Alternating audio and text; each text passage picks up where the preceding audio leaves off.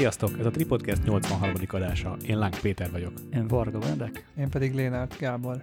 Adásunk támogatói a Fujifilm, a Tripont, a Manfrotto, a Samyang, a Hanel, a Nisi, és persze ti, Patreonosok. Gábor, milyen uktató munkát tettél a Fuji objektívekbe? Mi ez az első sor itt? Készítettem egy táblázatot a múltkori adásunkra reagálva, mert éppen vágtam a, az adást, és Peti a, a súlyokról beszélt, és összegyűjtöttem azt, hogy mi milyen súlyjal rendelkezik. Az XH2S-t raktam az Canon R6 és a Nikon Z6 mellé, csak elfelejtettem átírni az Z7-ről, mindegy, Z6. Tehát Ez a Z6-nak a súlyát látjátok a váz szintjén, markolat nélkül természetesen és láttok egy 24 mm 1.8-as RF-et a Canonnál, 35 1.8-at, 51 8-at, meg az 85 mm f2-t, az mind ugye az RF könnyű sor. Akkor a Nikonnál ugye a 24 mm 1.8-as Z, 35 mm 1.8-as Z, 50 mm 1.8-as Z és a 85 mm 1.8-as Z, és a Fujinál pedig a 16 mm f2.8-as legújabb, vagy ö, igen, azt hiszem azt, meg a 23 mm 1.4-et, 33 mm 1.4-et, meg az 51 0 t raktam be, de nem tudom, mondtátok, hogy 16 mm-ből van egy 4 is, vagy nem tudom, azt lehet, hogy ö, még ki lehet javítani. Igen, csak ugye ez egy régebbi konstrukció, úgyhogy ö, szerintem jó, hogy az úgy. Igen, és mellé beraktam még ö, Sigma megfelelőket is, tehát 24.1.4 árt, 35.1.4 árt, 51.4 árt és a 85.1.4 ártnak a súlyát, és az utolsó sorban pedig az én jelenlegi szettemet látjátok, tehát a váznak a súlya az a 660 g, az a, az a EOS R-nek a súlya, aztán ott van a 20 mm 1.4-nek a súlya, majdnem a egy kiló. 35 1.4-nek a súlya, 51 4-nek a súlya és a 85 1.8-as omnak a súlya. Tehát igazából az én jelenlegi szettem az, az eléggé nagyon heavy. Durva. Nehéz.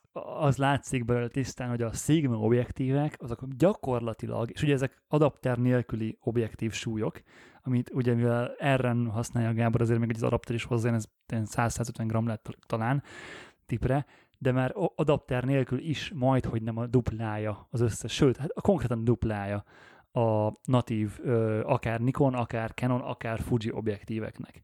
Viszont a Canon set az könnyebb, mint a Fuji. Ráadásul úgy, hogy a Fujihoz a 16-2-8-at raktad, és hát nem a 18 1-4-jel próbáltuk mi. Ami, Igen, de a 16 adja ki a 24 minit azért, mert a 18 Á, értem, az 28 értem. lenne, de ugye 28 az nincsen Nikonnál se, nincs Canonnál se, meg 35 alá én nem raknék annyira 28-at, hanem inkább Tök valami igaz. nagyobb látót. De mindig akkor is ugye reálisabb lenne oda is 300-360 grammot számolni. É, nagyon érdekes, hogy ezt így összeraktad, és nem tűnik könnyebbnek a, a Fuji set. Mint a Nikon se, igazából 15 g a kettő között. Mondjuk ott a 70-200 az még ott egy 200 grammot nyer a Fuji. Mert ugye a, a Fuji-nak a teleobjektívje az, az, az 995 g, még a Nikoné 1,2 kg. Igen, így van. Itt az 50-140-essel számoltam, meg ugye a Canon RF 72 és a Nikon Z 72 al Érdekes. Igen, ott egy, egy ilyen 250 g különbség még van a Nikonnak a hátrányára. A Canon az alig nehezebb, mint a Fuji igazából, annak ellenére, hogy full frame képkockát kirajzol.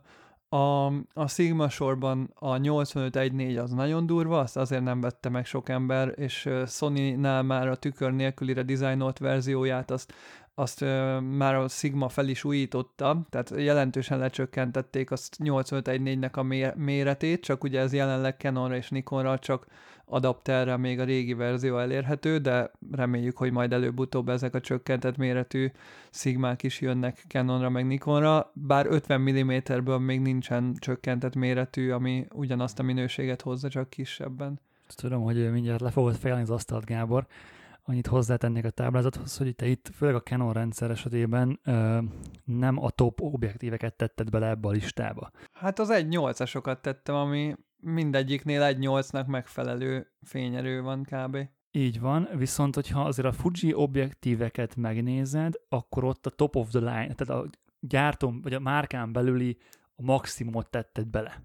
És ez úgy lett volna szerintem jobb ez a táblázat, hogyha akkor a Canonból is azt tesszük bele, meg a Nikonból is ott azt tesszük bele, ahol éppen van. Hát Canon RF-nél ugye nincs 35-ös top of the line, 24-es top of the line sem létezik még. Csak a 85-ös meg az 50-es létezne. Ebből is látszik, hogy a Canonnak még egy csomó minden fejlődnie kell. És ugye a, a Fujinál ott van az F2-es sor, ami, ami rohadt pici és rohadt könnyű. Tehát tényleg az, a, hogyha a 16-2-8-at nézed, hogy az kb. az összes objektív akkora, mint az az objektív, ugye van nekik 23 f2-esük, 35 mm f2-esük, 50 mm f2-esük, nekem ezek mind meg is voltak, és azok gyakorlatilag ilyen 5 centi magasságú kis semmi objektívek gyakorlatilag a zsebedbe elfér, és hogyha azt a tehát hogyha a Canonnál az, az egyel fényerőben gyengébb, meg nyilván egy picit képminőségben is gyengébb sort rakott bele, akkor a Fuji-nál, hogyha azt nézzük viszont, akkor ott már viszont jelentősen könnyebb a, a set. Jó, de egy Fuji F2 sor az köze nincs a full frame egy 8-as obikhoz. Én azért annyira nem lennék olyan biztos. Benedek, hát azért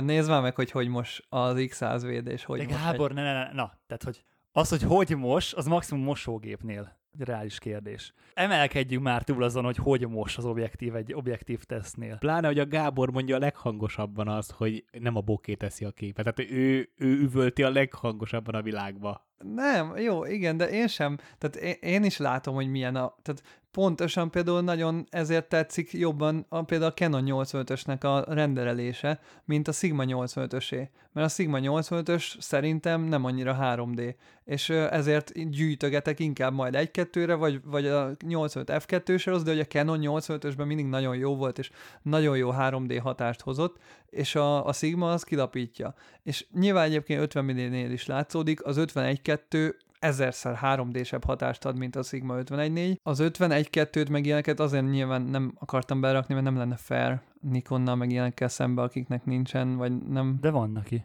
Hogy ne lenne? De 51.2 mondjuk pont van a Nikonnál, és pont nagyon nagy. 85.1.2 nincs, de a Nikon 51.2 szerintem nagyobb, mint a Canon 51.2, és nehezebb is. Ez, ebben igazad van valószínűleg, sőt tuti. Én annyit tennék még hozzá, hogy én a, a, látva a számokat, én nem értem azt, hogy miért tűnt nekem nagyon könnyűnek a Fuji rendszer. Mert én tudom, milyen az, amikor a két Z-t berakom a táskámba, berakom mellé a 21.8-at, 35.1.8-at, 51.8-at, 105.1.4-et, 7200-at, egy vakut, és tudom, milyen nehéz a táska. Úgy nagyjából tudjátok, ha sokat emeled, az valami izommemóriában benne van. És akkor benne volt a fullos Fuji set, a második vázat ugyan nem egy másik XH2S, hanem egy X100V reprezentálta, és, és sokkal könnyebbnek, olyan tényleg olyan légi, és, és volt benne egy rohadt nagy tele is. Ugye az a 15600.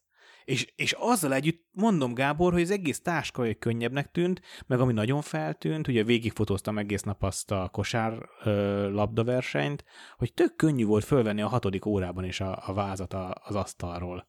Nem tudom, miért tűnt akkor könnyebbnek. Pont tegnap néztem, amikor megjött ez a gondolat a fejembe, hogy ezt össze kéne gyűjteni, és a, a, a 7200-hoz hasonlítottad a súlyát a legutóbbi adásban, és azt néztem, hogy ha a Fuji 7200-as súlyát összerakom a Z7 plusz 7200-zal, akkor egy fél kiló fél kilót nyersz, tehát az a fél kiló különbség. Azért az érződik nagyon. Az az, ami sok. Az nagyon sokat, igen. Az sok. De a fixek nem sokkal könnyebbek. Bár egyébként például egy 1855-ös Fuji is szerintem könnyebb, mint egy 2470-es full frame. Na de, ha már így beszélgettünk megint erről a topikról, kicsit beszéljük át, hogy hogy, ele, hogy elemeztük az X2-est, meg magát a rendszert a múltkor adásban, mert volt már az X100V-nél se ö, példa kommentben hallgatóktól, hogy hogy nem, egyszerűen nem értik, hogy az egyik adásban fölmagasztjuk az 1 gigafényképezőgépet, a másik adásban meg nincs kedve megvenni, mert annyira lehúzzuk. Legalábbis így csapódik le neki. Igen, és maga a megfogalmazás, hogy lehúzzuk, az, az nem tetszik nekem, mert ha valamiről valami negatívumot mondok, az nem lehúzás, mint ahogyha megkérdőjelezzek egy kormányinfót, az sem hangulatkeltés. Tehát, hogy szerintem ezeket így kezeljük helyén, hogy, hogy léteznek a világban pozitív és negatív dolgok, meg ezeknek van egy egyensúlya. Ennek megfelelően szoktuk egyébként a fényképezőgépeket is értékelni. Néha van, hogy a fényképezőgépeket a önmagukhoz képest értékeljük. Például az X100V szerintem tipikusan ilyen, hogy lennének hozzá elvárásaim, de hogy egyre inkább megszeretem a kamerát minden hibája ellenére, míg nyilván egy XH2-est azt ö, azt egy cserélhető objektíves konkurenciával kell összehasonlítani, mert ott, ott egyszerűen ö, a felhasználás nagyon hasonló lesz, nagy valószínűséggel egy A7-4 felhasználó például hasonlóan fogja használni a fényképezőgépét, mint egy Fuji X-H2S felhasználó. Félig videó akár, gyors sebességű dolgok, meg ilyesmi. Már maga az, hogy negatívumokról beszélünk egy fényképező esetében, Tulajdonságokról, ja. csak neked a negatívum. Igen, Tehát igen. Ez itt, itt kezdődik az egész, hogy amit mi, mi negatívumként, vagy, vagy nem is mi, hanem amit te, a Peti, vagy én negatívumként fogalmazunk meg egy fényképezőgépről, az lehet, hogy másnak tökre nem negatívum, hanem akár adott esetben az, az dönti el, hogy ő inkább ezt fogja megvenni, és nem a másikat. Na, én egy egészen más irányról közelíteném meg, tehát nem az, hogy jó vagy rossz, mert akkor elmondott az autofókusz rossz, az senkinek nem lesz jó. Tehát nem, nem, nem ez a magic. Én kevés fotóst ismerek, aki a legolcsóbb fényképezőgépektől a legdrágábbakig nagyjából végigpróbálta az elmúlt három év kínálatát. Mi végigpróbáltuk. Gyakorlatilag a legalacsonyabb árszintű kameráktól a, a top-top kamerákig. Phase van nem volt még a kezünkbe, Nyilván Phase van meg nem úgy választasz, hogy, hogy egy tech sheet alapján összehasonlít őket, meg ott nem, nem versenyezteted meg, ott tudod, hogy az kell, azt veszed meg. De az R3, az Z9, az A1, az A, A7, vagy A4, A, A7-4, A7-3, tehát, tehát több szintű, több generáció, Z6, Z7, ezek mind nálunk voltak, azért nekünk sokkal árnyaltabb képünk van ma már arról, hogy hogyan fejlődik egy, egy rendszernek az autofókusza, hogy mit lehet tőle várni, hogy egymáshoz képest hogyan működnek, és akkor azt mondod Benedek, hogy ez lehet, hogy másnak jó, másnak lehet, hogy úgy jó, hogy soha nem próbált ki egy másikat. Úgyhogy csak azt akarom mondani ezzel, hogy nem abban van szerintem a kritikának a, a hogy mondjam, nem úgy kell értelmezni egy kritikát, hogy ez lehet, hogy valakinek előny, valakinek hátrány. Mert, mert ne, nem lesz egy rossz autofókusz, egy rövid akkumulátoridő, egy magas zajszint, az senkinek nem lesz előny. Hanem, hanem, hanem ő egy olyan embernek tudja ezt majd a saját preferenciába, a saját koordinátorrendszerbe betenni, hogy én nem fotózok magas izón, mert olyan a stílusom, nem lesz rá szükségem, tök jó, hogy tudom, hogy ez magas izón zajos. Vagy nem fotózom össze-vissza mozgó témákat, ezért nekem nem fontos annyira a jó autofókusz, ezért nyugodtan megvehetem. Ez lett volna a vége a mondandómnak, amit, ami- és amit meg is csináltunk az, az előződésben az X2S kapcsán, meg gyakorlatilag szerintem az összes fényképezőgépről, ami, amit teszteltünk, hogy berakjuk a magába, a skálába, hogy az a fényképezőgép, nek mondjuk az autofókusz, beszélünk akkor erről, mert mindenki azt tartja a legfontosabbnak nyilván, az hol helyezkedik el a piacon kapható legtöbb fényképezőgéphez képest. És az X2S ebben kifejezetten nagyon erős. Az jó Azt meg is, meg is állapítottuk. Nyilván mondjuk zajsztűrésben, meg képminőségben nem annyira erős, mint mondjuk egy Z6-2, vagy egy Z7-2, vagy egy R6, vagy bármi, de autofókuszban jobb, mint a Nikon. Kivéve az E9, ugye, de az meg egy két és félszer annyiba kerülő kamera, igen. Amikor azt mondjuk, hogy az X100V-ről, hogy nem jó az autofókusza, az persze a 6D-nél jobb, az E6-2-nél meg rosszabb. Ö, és ny- nyilván amúgy lehet vele fényképezni, meg, meg tökéletesen használható mindenre, amire azt a fényképezőgépet tudod te használni. És sokkal több ö, helyzetben tudsz vele fotózni, mint mondjuk egy, vagy nem, nem több helyzetben, hanem más, más típusú helyzetekben tudsz vele fotózni, mint mondjuk egy Z9-el, holott az Z9 is nyilván tudna ott képet készíteni sokkal jobban, mint az, E, vagy az X100V, csak nem viszed oda az E9-et, mert ne, nem tudnál vele ott normálisan fotózni. És hogy amikor ilyenekről beszélünk, akkor ez nem lehúzás, ez egy, ez egy objektív ö, gyakorlatilag mérőszámok elhelyezése egy skálán. És, és onnantól kezdve már rád van bízva, mint egyedi fotósként a saját felhasználási szokásaid meg igényeidre, hogy te az egyes fényképezőgépekben mit ö, tartasz fontosnak, és, és muszáj elengedned dolgokat, mert olyan, olyan nem lesz, hogy X100V méretű fényképezőgép 16-tól 400-ig egy négyes fényerővel, és 300 g az egész, és nyilván középformátumú szenzorral, mert, mert ilyen fizikailag lehetetlen. Erről jut eszembe, képzétek el, hogy a Z7-em olyat tévedett stúdió körülményekbe, hogy azt hittem felrobbanok. Egy olyan hölgyet fotóztam, ilyen CV, CV fotót készítettem, akit nagyon-nagyon nehez volt megnevettetni, nagyon nehezen jött ki belőle a természetes mosoly, mert ahogy, megne, ahogy, ahogy kijött volna a mosoly, egyből ilyen mm, bevágott egy ilyen, jaj, nem, nem, nem, nem mosolygunk, nem szabad mosolyogni, egy ilyen, tudjátok, egy ilyen, nem tudom, mi tényleg citromba harapott volna, nem, nem jött, vagy nem tudott felszabadulni belőle a mosoly, és, és egy kép, az kurva jó lett, de tényleg nagyon szép, ragyogott a szeme, szép volt a mosoly, gyönyörű fogak, minden, és, és a fülön van a fókusz. Hát ne, sehol. Vagy az orrán. Sehol. sehol. Gábor, sehol. Az jó. És, és egyszerűen nem értem. Egyébként ezt megértem, Peti, hogy csalódott, mert nyilván bennek te nem fotózol annyit, de aki sokkal többet fotózik Nikonnal például, és munkakörülmények között használja, és sűrűn előjön mondjuk az, hogy kritikus pillanatokban eldobja a fókuszt, és Petinél pont az ilyen stúdiós portré szituációkban már sűrűn előjött, hogy pont ki szeretne szedni egy arckifejezést, és pont nincs meg a fókusz, és pont egy ilyen szituban ezerből ezret kéne tudnia, és, és ez nagyon nagy csalódás lehet, mert én például még a Canon EOS R-ből nem, tehát én nem fotóztam vele úgy, hogy kritikus pillanatot fókusz miatt rontottam volna el, míg az 5D-vel ugye volt ilyen. Tehát az 5D-nél voltak soft focus problémák, ugye az autofocus mikrokalibráció miatt néha picit el voltak csúszva fókuszok, és akkor nyilván átadtad a képet úgy, hogy picit lágyabb volt, vagy valami, picit el, elcsúszva a dolgok, de hogy maga a gép azt ugye fókuszban érezte, csak mégsem volt fókuszban. És ugye mióta van tükör nélküli fókusz, azóta a szenzoron történik a fókuszálás, és tökéletesen a gép ugyanúgy érzi, hogy fókuszban van, és és akkor éles. És olyan még nem volt, hogy így, mit tudom én, egy gyűrűhúzás közben elhomályosodna az egész, és akkor hántól jobbra-balra, és nem talál ö, élességet, míg Peti beszámolóiból egyre inkább az látszódik, hogy a Nikon azért ezt, ha nem is annyira sűrűn, de, de ugye kiszámíthatatlanul akár kritikus pillanatokban is előhozza. Épp ez a, épp ez a nehéz benne egyébként, hogy statisztikailag, tehát statisztikailag jó igen. Csak a Canon pont annyival kevesebb szer csinálja, hogy nem kritikus. És hát nálad már annyival többször, hogy már benne van az, hogy lehet, hogy néha pont kritikus pillanatban talál meg. Ugye ez a probléma. Mert még csak az sincsen, hogy tudod, hogy low lightban, hogy lehet rá számítani. Ja, hanem ja, ja, tök ja. egyértelműen tiszta szitukban rontja el. És, és a, az éles életlen kép aránya nagyon jó.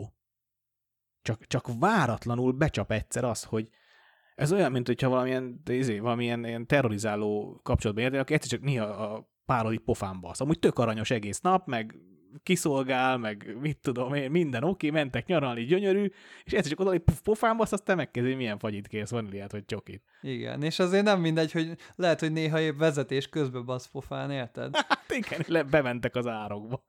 Igen, szóval Nikon egy kicsit olyan, mint valami toxikus párkapcsolat egyébként. Ráadásul még hozzá is vagy függve, mert árérték arányban ugye azért messze a legjobb rendszer. Felteszek egy teoretikus kérdést. Peti, ugye mondtad múltkori adásban a Moritz Rabján Simon interjúját a Wobcastben, meghallgattam én is azóta, egyik legjobb adás volt szerintem a Tom Borzoli meg a Bácsi Robi adása után. Ö, volt, volt a múltkori adásban, ezért mondjuk el, hogy ő ugye egy fotóriporter, aki hírképeket gyárt ö, napi szinten, meg, meg tényleg olyan, olyan szituba fotózik, mint aminekben a Peti, és nyilván megvan arra neki is a, a nem tudom, hogy az most tükrös vagy, vagy mirror lesz rendszere, de a, az olyan, a, az E6, Z7 vagy R6, R5 szintű rendszere megvan neki erre a feladatra. Valamilyen riporterváza van, ez egyébként szerintem már úgy hivatkozott rá, hogy riporter rendszer. Egy jó autófókuszú, jó sebességű, top fullos rendszer. Ö, amit ugye hétköznapokban használ, és amikor a saját projektjét ö, fotózza, és többször mondta, hogy az összes saját projektjére ez igaz, és azóta, meg, azóta megnéztem a, a weboldalt, hogy mik azok a saját projektek, mert ugye nem csak a Covid ö, a saját projektje, nem van neki vagy 6 vagy 7 ö, ilyen jellegű ö, sorozata, arra pedig egy Pentax 645D-t használ, ami egy kroppos középformátumú, elég régebbi, elég régi, régi jellegű, tehát az nem a GFX sebességű középformátumú rendszer. És ráadásul még azt is mondta, hogy egy darab objektíve van hozzá, egy 40 mm-nek megfelelő obi.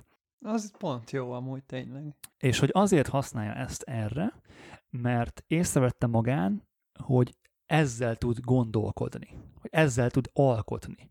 És amikor ezt mondtam, amikor ezt kimondta, tökre bekattant, amikor a szigeten fotóztam nagyon sokat, meg hát nem csak a szigeten, az összes fesztiválon, hogy jó, most a 6D-t nyilván ne hasonlítsuk egy 1D-hez, de azért nem egy, nem egy Pentax 645D volt az autofókusz sebesség, azzal azért lehetett fotózni, főleg, hogyha megtanultad, ezt, megtanultad a hibájával együtt, hogyan kell használni, akkor azért azzal lehetett ö, aktív szitukban, vagy ilyen gyors szitukban is éles képet készíteni.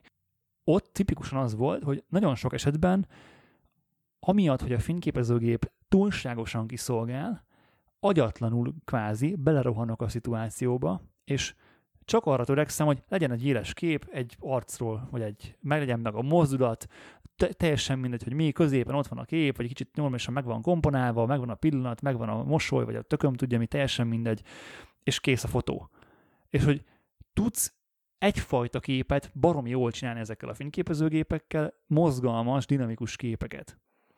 Mert arra ösztönöz úgymond ez a, ez a típusú rendszer, hogy mivel kiszolgálja minden igényedet, ezért hajlamos vagy nem lelassulni és nem gondolkozni, hanem amit az előző adásban is mondtunk, mondtál Peti, hogy amikor téged bedobnak egy ilyen szituba, akkor te ott húszol az árral, fölveszed a flót, és így ilyen maga high-paced, aktív melót tolsz.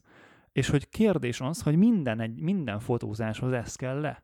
És hogy el tudjátok-e azt képzelni, magatokról ti kettem, hogy mondjuk egy ilyen jellegű fényképezőgépet használtok, nyilván, nyilván a hibáival együtt, de meg, tehát elfogadni a hibáit, és építeni a hibáira, és nem azon morogni, hogy jaj, basszus, nem lett éles ez a kép. Hanem akkor olyan képeket elkezdeni készíteni, amiről tudod, hogy éles tud lenni, mert a fényképezőgép arra képes, és akkor úgy olyan pillanatot, olyan kompozíciót keresel, ami ben ez a fényképezőgép jól tud működni, és nem azokat a pillanatokat keresed, amiben ez a fényképezőgép nem működik jól, de mondjuk a riporter szetted meg jól működne. Számomra erre az a válasz, és én mindig is így voltam a fényképezőgép választással, hogy amit már előző adásban is mondtam, hogy a full frame az egy ideális sebesség, nekem nem kell ilyen 20 fps. Nem a full frame-ben, meg a középformátumon a hangsúly. Tudom, és, de ezért mondom, hogy számomra a full frame-es fényképezőgépek ezzel az ilyen 10 képkocka per szek körüli sorozatképpel, itt így nekem ez már így sebességben elég, és én mindig ezt szoktam mondani Petinek is, főleg mostanában, ahol mikor ö, ö, utómunkázok Peti által lőtt anyagokat is, hogy igen, néha ki kell kapcsolni azt a sorozatképet, mert a gyors gépekkel is lehet ám lassan lőni, és erre nagyon jó bizonyíték például az én tapasztalatomban az X100V, aminek nagyon sok funkciója nem működik egész egyszerűen sorozatkép üzemmódban, például vakuzni se tudsz, hanem muszáj átállítani, muszáj többször lenyomnod a gombot, sőt egyébként a Vaku Max villanásnál ilyen 5-6 másodperc alatt töltődik fel újra, de én az olyan jellegű limitációkat nem szeretem, amikor a gép mondja meg nekem, hogy lassú legyek. Tehát én szeretek egy gyors gépet lassan használni, de nem szeretek egy lassú gépet használni, ahol a gép a sebességét kell nekem felvenni. Tehát én szeretem azt, hogyha én egy picit be akarok gyorsulni, akkor, akkor megtehessem. Ha, ha én azt szeretném, hogy kétszer megnyomom a gombot egymás után minimális ö, különbséggel, akkor responsív legyen. Mert szerintem nagyon nagy különbség az, hogy egy nagyon nagy kamerának a nagy kattanásához hozzászokni, vagy mondjuk egy hatalmas nagy shutterleghez hozzászokni, aminek semmi előnye nincs számomra. És, és nagyon sokszor számomra ez a lassúság, ez picit olyan, mint a shutterleg, hogy hozzá lehet szokni, de sokkal jobb, hogyha az rövid, és, és, és úgy működik, ahogy elvárom. És nem akarok hozzászokni a lassabbhoz.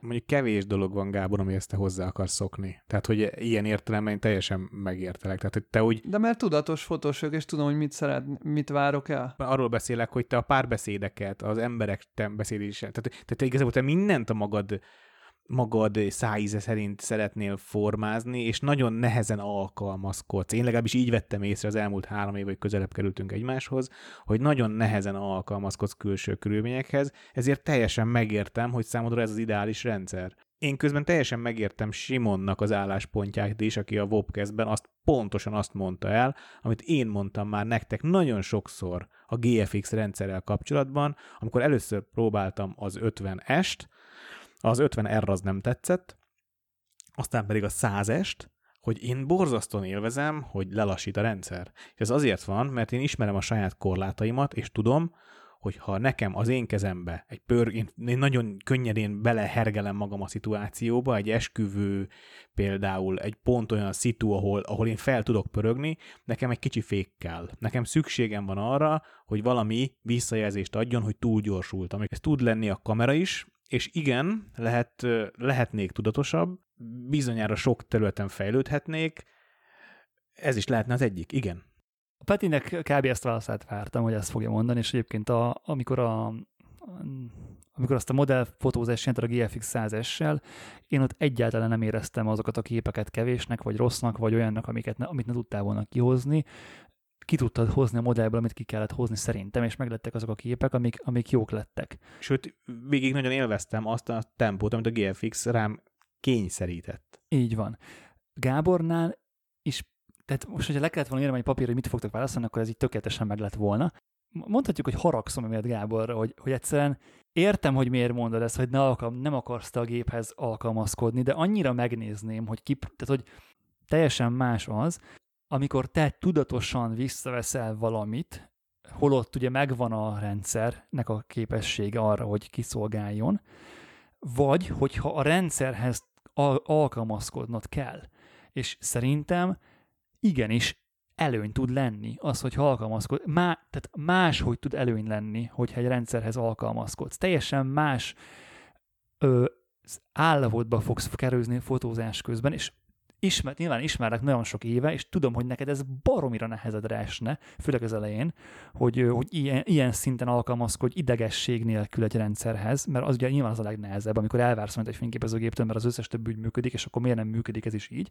De hogyha ezen túl tudnál lendülni, szerintem neked is mar nagyon nagy hasznodra válna. Nem azt mondom, hogy mindent ezzel kell fotózni, meg így kell fotózni, mint hogy a Simon csinálja, ne értsetek félre, de néha elővenni egy ilyen gépet, vagy néha belemenni ilyen szuttuba, szerintem baromira ö, tanító jellegű lehet. Ezt csak annyival egészíteném ki, hogy Simon végig arról beszélt, hogy a saját projektjeit fotózza a pentax Gábor meg most egy picit ezt összemosta, és nem tett különbséget a válaszában a kamera sebességben, hogy, hogy például a saját projektjét hajlandó lenne. Nekem, szerintem is Gábor elképesztően jót tenne neked szerintem. Tehát az, hogy, az, hogy tehát amit már nagyon sokszor mondtam adásban is, ahhoz, hogy jól érezzük magunkat a világban, nem csak az kell, hogy a világ jó legyen, hanem az, hogy képesek legyünk alkalmazkodni a mienségéhez, ami néha, néha rossz, néha szaridő van, néha nem finom a lángos, néha nem jönnek össze dolgok, és most egyre inkább valószínűleg olyan, ide, id, id, olyan világ felé haladunk, ahol majd nem fognak összejönni a dolgok, tehát a, az adaptációs képességeinket fejleszteni valószínűleg érdemes lenne, és hogy mi, vajon miért előny az, hogy a kamera lassít, nem én magam lassítok, mert hogyha a kamera adja a, a fix tempót, amit én kihasználhatok, akkor nekem egy pillanatra se kell foglalkoznom azzal, hogy milyen tempóval érdemes fotózni ezt a témát, mert csak egy tempó lesz lehetséges. És ahhoz igazítok mindent, és ki tudja, mi történik akkor. Uh, még a képe, simán a képeire reflektálnék egy röviden, hogy, hogy a covidos uh, képei.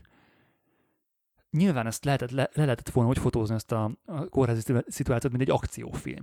Csak kérdés, hogy hosszú távon annak van-e művész értéke? Egy harsány hírképnek van-e értéke művészi szempontból, vagy egy szépen megkomponált, nyugodt, de mindent tartalmazó képnek? Szerintem az, hogy művészi értéke egy képnek mitől van, biztos, hogy, biztos, hogy nem a nyugodtságától, tehát szerintem lehet ugyanolyan művészi, vagy ugyanolyan koncepcióba illeszkedő, vagy ugyanolyan jó egy akciófotó is, ö, ahogy e, erre akartam még elsősorban reagálni először, és utána majd a többire is, hogy ö, nem csak attól lesz művészi, vagy, vagy jobb egy fotó, hogy lassabb. Ö, vannak, akiknek pont az arra van szükségük, hogy ö, például amit te mondtál fesztiválon, hogy kellenek a jó elkapott pillanatok, meg a, a mindenféle olyan dolgok, amikhez kell a sebesség, mert valakinek pont az a stílusa, és valakinek nem az a stílusa, hogy, hogy nyugodt, lassú ö, fotókat készít, ez teljesen koncepció függő, teljesen attól függ, hogy mit szeretnél fotózni, teljesen témafüggő,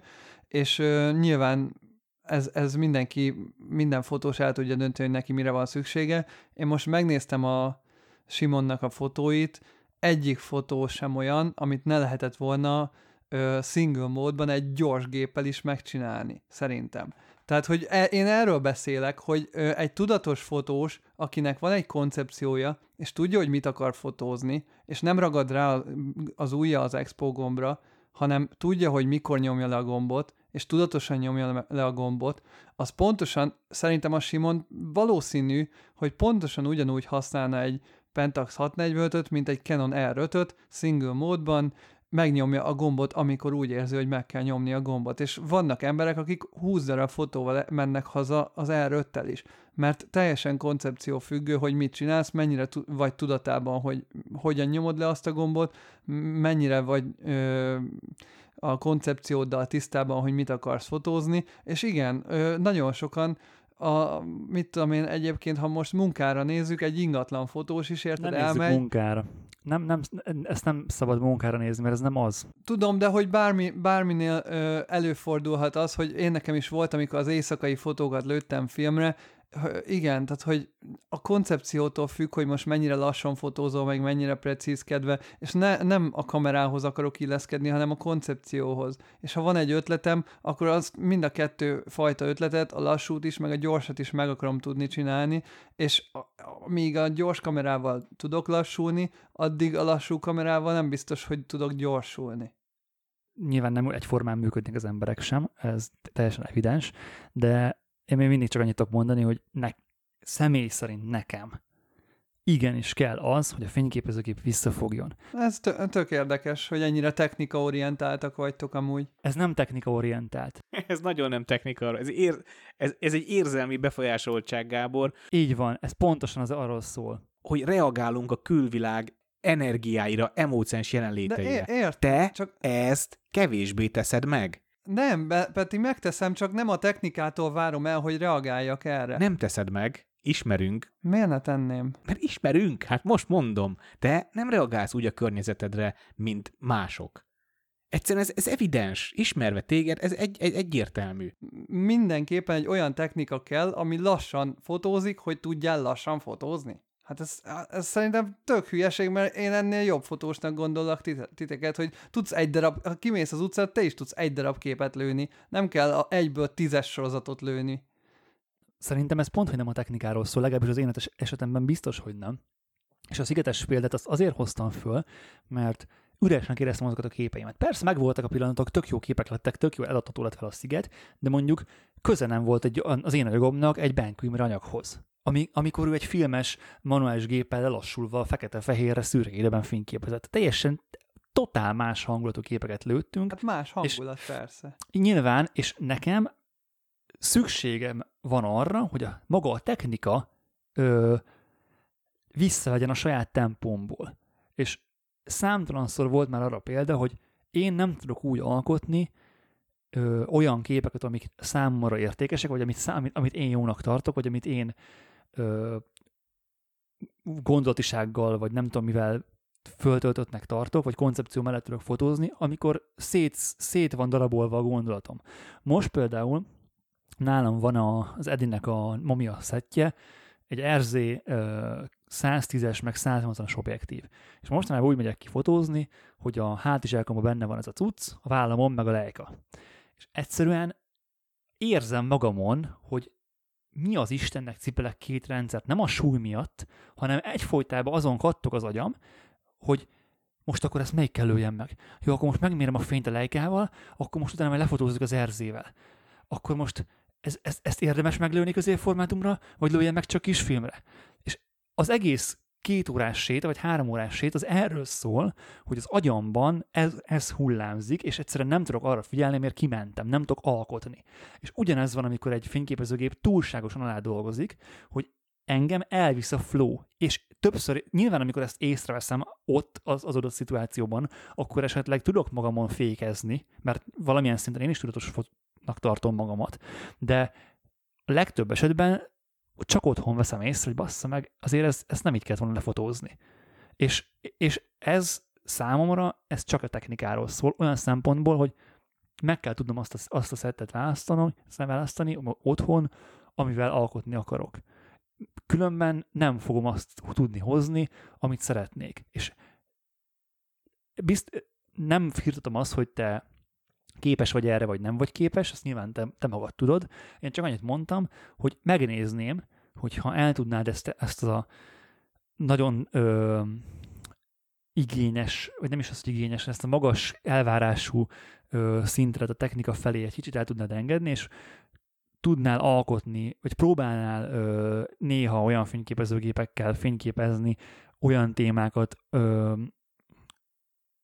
amik, amik nem, nem igénylik nyilván ezt a magas, ö, tehát nem report munkákról beszélek, meg nem meló, nem, nem pénzes melókról beszélek, mert az nyilván oda, oda kell a rendszer, rendes gép, ami kiszolgál belőle, azt nem, nem, nem, is kell ezt magyarázni, hogy adna-e neked az ö, pluszt, vagy nem. És én erre, tök, tök, erre csak kíváncsi lennék, és, és ez, ez nem, nem akarom a szádba adni, hogy igen adna, vagy nem, nem adna, ö, megnézném először az elejére reagálok, mert összemostad a fesztiválon lévő jól elkapott ö, akciófotóidat azzal, hogy most miket tartasz jó fotónak, és én erről beszéltem az előbb, hogy azért, mert most ö, megnéztél egy Tothidó könyvet, meg most éppen az a stílusod, meg éppen most azt tartod művészinek, hogy valami lassú és állványjal készült, és akkor atmoszférikus, meg izé. ez, ne, ez, nem, ez, nem két, ez, ez nem két hónapos ö, téma nálam.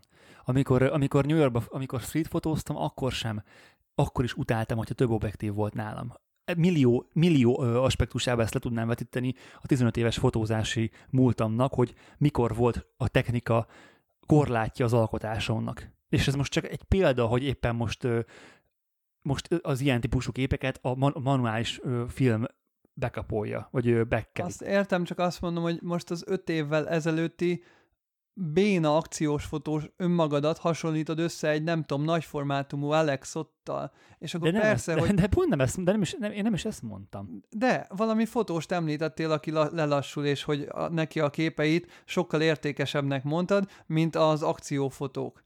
Ö, azt mondtam, hogy akkor és ott, amikor fotóztam a szigetet, nem most, hanem hat éve, vagy öt éve, vagy hét éve, vagy nem is tudom, amikor volt, sok éve, már akkor is üresnek éreztem az a saját szigetes fotóimat.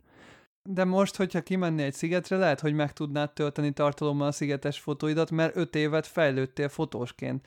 Ez valószínűleg így van. És ez nem azon múlik, hogy milyen sebességgel fotózol, meg nem is azon múlik, hogy milyen sebességű, tehát a koncepción múlik. És lehet, hogy technikailag is fejlődtél annyit, nyilván ez sok gyakorlás, de például technikailag is lehet fejlődni annyit, hogy ha akciófotó a koncepciód, vagy az elkapott pillanatok a célod, hogy olyan képeket készíts, abban is lehet fejlődni, és hogyha mondjuk, nem tudom, folyamatosan abban az öt évben csak ilyeneket csináltál volna, akkor biztos, hogy fejlődtél volna abban. De te nyilván lelassultál, te átmentél manuál fókuszba, analógba, stb. sokkal állóbb, ö, sokkal, tehát jobban stilleket lősz, mint elkapott pillanatokat most már, és nyilván most már más a perspektívád, más a hozzáállásod, más a vizualitásod, mást keresel egy fotóban. De ezért mondom, hogy attól még egy ö, ügyes, jó ö, akciófotós, aki ugyanúgy művészi értékel akciófotózik, és most nem egy riportfotósra gondolok, hanem egy olyan koncepciófotósra, aki,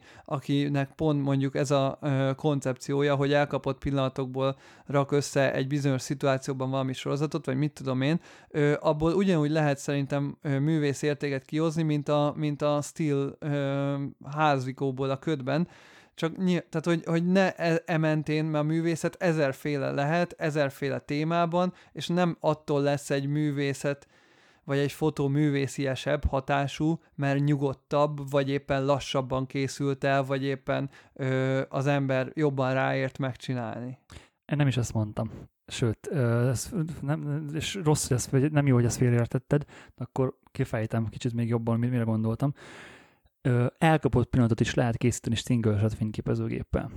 Ö, és megkockáztatom, hogy lehet, hogy a hitréted sokkal kisebb lesz, de lehet, hogy a fókuszáltságod miatt, ami mivel a, maga a technika kényszerít arra, hogy fókuszált legyél maximális szinten, arra azért, hogy el tud kapni a pillanatot, mert nem dolgozik alá 120 FPS-be. Ebben egyetértünk, E- ezt, e- én is ezt mondtam. Lehet, hogy amiatt egyszerűen jobb lesz a kép. Ne arra gondolj, hogy most milyen képeket készítek, mert az teljesen irreleváns itt. Nem, nem is a te képeidre gondolok. Most általánosságban gondolkodom, és én is, akkor ebbe tökélet egyetértünk, én is ezt mondom, hogy nyilván ö, egy elkapott pillanat is ér ugyanolyan sokat, mint egy nyugodtabb kép, és mind a kettőt meg lehet lőni single shotban, és én sem arról beszélek, hogy akkor most úgy tudsz elkapni egy elkapott képet, hogy rádarálod a sorozatot, persze lehet azt single shot üzemmódban is csinálni, és akkor a mondandód első felében akkor azt így tisztáztuk, hogy akkor az gyakorlatilag egy jól elkapott pillanat, egy jó szituációban, az, az nyilván ugyanolyan művészeti értéket hordozhat, mint egy, mint egy nyugodtabb fotó. Nem, csak ez picit félreérthető volt szerintem a mondandódban egyébként, azért próbáltam tisztázni. És akkor nézzük a második felét, hogy akkor ehhez egy fényképezőgép kell, mert tegyük fel, hogy mondjuk most a te célod az, hogy nyugodtabb képeket készítsél. Tegyük fel, hogy, hogy az a koncepció, hogy, hogy picit lelassuljunk, Még egy, csak egy gondolatot még hozzátennék erre a gyorsaságra, mert hogy, hogy tényleg tiszta legyen, hogy mit értettem az alatt. Hogy amikor egy, is- amit a Peti is mondott, amikor amikor benne vagy egy, egy mozgalmas szituációban, legyen az egy esküvő, egy tánc, egy fesztivál, egy, akár egy utca, bármi. Amikor a fényképezőgép alá dolgozik, akkor ugye teljesen ott vagy, hogy közelmész, találod, izé, mozgatod a fényképezőt jobbra-balra, nem biztos. én ezt csinálom. És amikor tudom azt, hogy itt egy darab képen van, hogy azt a fotót meg tudjam készíteni, le tudjam fotózni, akkor sokkal jobban átgondolom már előre a fotót. És gyakorlatilag itt van az, amikor néha össze tud jönni, hogy kb. látod a jövőt, hogy hogyan fog történni az a mozdulat, és te már ott vagy előtte fél másodperccel, és már be van fókuszálva a kép, és már csak meg kell nyomni az expo gombot. Ez nagyon ritka, de az ilyen szint, én az ilyen pillanatokat hiányolom, azokból a fényképezőgépekből, amik nagyon alá dolgoznak. Na várjál, most attól, hogy a kompozit, én, én, de akkor megint egyetértünk, csak nem értettem ezt, hogy mi, tehát mi az, hogy alá dolgozik a gép? Hogy tudna a gép alá dolgozni a pillanat kiszámításában, meg a, a, abban, hogy látod, hogy hogy mozognak körülötted az emberek, és, és vársz egy adott pillanatot, látod, hogy mi fog történni előre. Ebben, e, ebben minden fényképezőgéppel a kezedben a, a szemed lesz a kulcs, ne, meg a megérzéseid, nem pedig a fényképezőgép, hogy milyen automatikája van, vagy milyen fókusza, vagy tök mindegy. Például nekem a számkövető, meg az ilyen arckövető autofókuszokban nekem az a hátrányom sok esetben, hogy azért nem tudok ö, feltétlenül olyan képet készíteni az, az, az elkapni való pillanatról, amit szeretnék, mert rátapad a fókusz az alanyra, végigköveti, és teljesen elveszeni a, ez az én vizuális, vizualitás, vizualitásomban, vagy gondolkodásmódomban teljesen elveszi a, a környezet és a téma kapcsolatát. Tehát kikapcsolok, és csak, a, csak mivel végig rá van fókuszálva a fényképezőgép az, a, té- a témára, legyen az bármi, egyszerűen megszűnik a külvilág, úgy, úgy a külvilág, hogy a kép, tehát a képen belüli külvilág, a kép, a környezet, a fot, környezet és a modell, vagy a bárminek a kapcsolata. És hogy nem tudom úgy behelyezni a, tehát nem tudom olyan úgy elhelyezni a képen belül, úgy futtatni a háttérbe a, a formákat, a nem tudom mit, ahogy azt úgy kéne, ö, azért, mert gyakorlatilag videózok a fényképezőgéppel, és ezt nyilván, hogyha észreveszed, akkor ezt ott helyben az E9 is lehet szép stilleket készíteni, nem erről van szó. Csak azt mondom, hogy ha ez nekem nem, do- nem lassít le a fényképezőgép, akkor én nagyon sokszor hajlamos vagyok arra, hogy átesek a ló túloldalára, és videózok a fényképezőgéppel. És lesz 200 darab tűéles fotóm egy mozdulatsorról, amiből igazándiból egyik fotó se jó, azon kívül, hogy éles.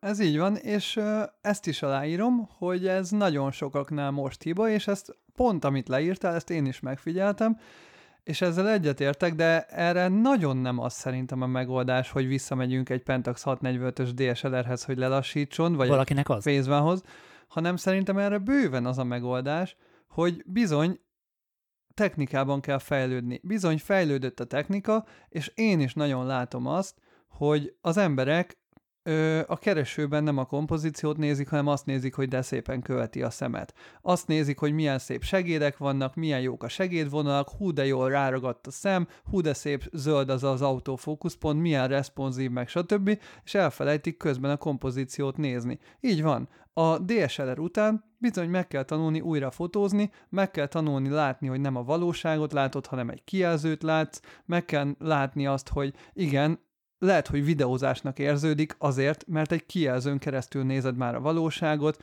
a tükör nélküli gépekkel. Sok mindent újra kell tanulni, de ez egy technikai visszamaradottsága azoknak a fotósoknak, akik DSLR-en tanultak meg fotózni, és én elhiszem, hogy sokaknak van igénye pont emiatt visszamenni az optikai keresőre, de ettől függetlenül én mindig, még mindig azt gondolom, hogy ez egy tanulható dolog, és lelassulni tükör nélküli géppel is, és kompozíciót megtanulni tükör nélküli géppel is, az, az megtanulható, és oda kell tudni figyelni arra, amikor azt mondunk, hogy fotós tudás, az nem csak azt jelenti, hogy milyen gyorsan tudom állítani az áridőt, hanem azt is, hogy milyen gyor, mennyire mérem fel azt, hogy van-e most ebben a pillanatban szükségem ö, 30 FPS-sel fotózni, vagy elég lesz egyszer megnyomni azt a gombot. És ez, ez nyilván fotós technikai tudás techni- látnod kell az, hogy milyen ráállítod be a vakut, és azzal hányat fogsz villanni, milyen gyorsan tölt fel az a vaku. Látnod kell, hogy milyen gyorsan tölt ö, be a buffer,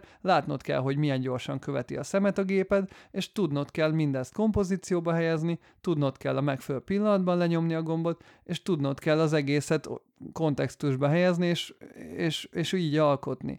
És én, én láttam tényleg azt, hogy a gépeknek az a nagyon-nagyon sok funkciója, ez, ez elképesztően ö, ki tudja tényleg billenteni a fotósokat, ahogy te is elmondtad.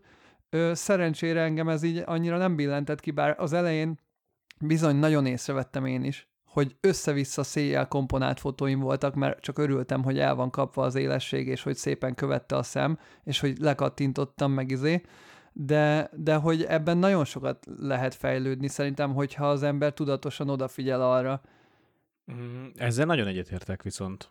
És ezt én, és ezt én magamon nagyon észrevettem. És ezt próbáltam mondani Gábor az előbb, hogy, hogy vannak emberek, akikre, akikre jobban hat a környezetük, jobban hattak a körülöttük lévő energiák, vagy hangulat, vagy érzelmek, és van, akire kevésbé, és azt feltételezem, hogy Benedekre is valószínűleg jobban hat, rám meg aztán pláne jobban hat, és rád pedig kevésbé, tehát neked ezzel könnyebb dolgod van. Tehát neked ezzel kevésbé kell küzdened, kevésbé kell talán újra megtanulod fotóznod.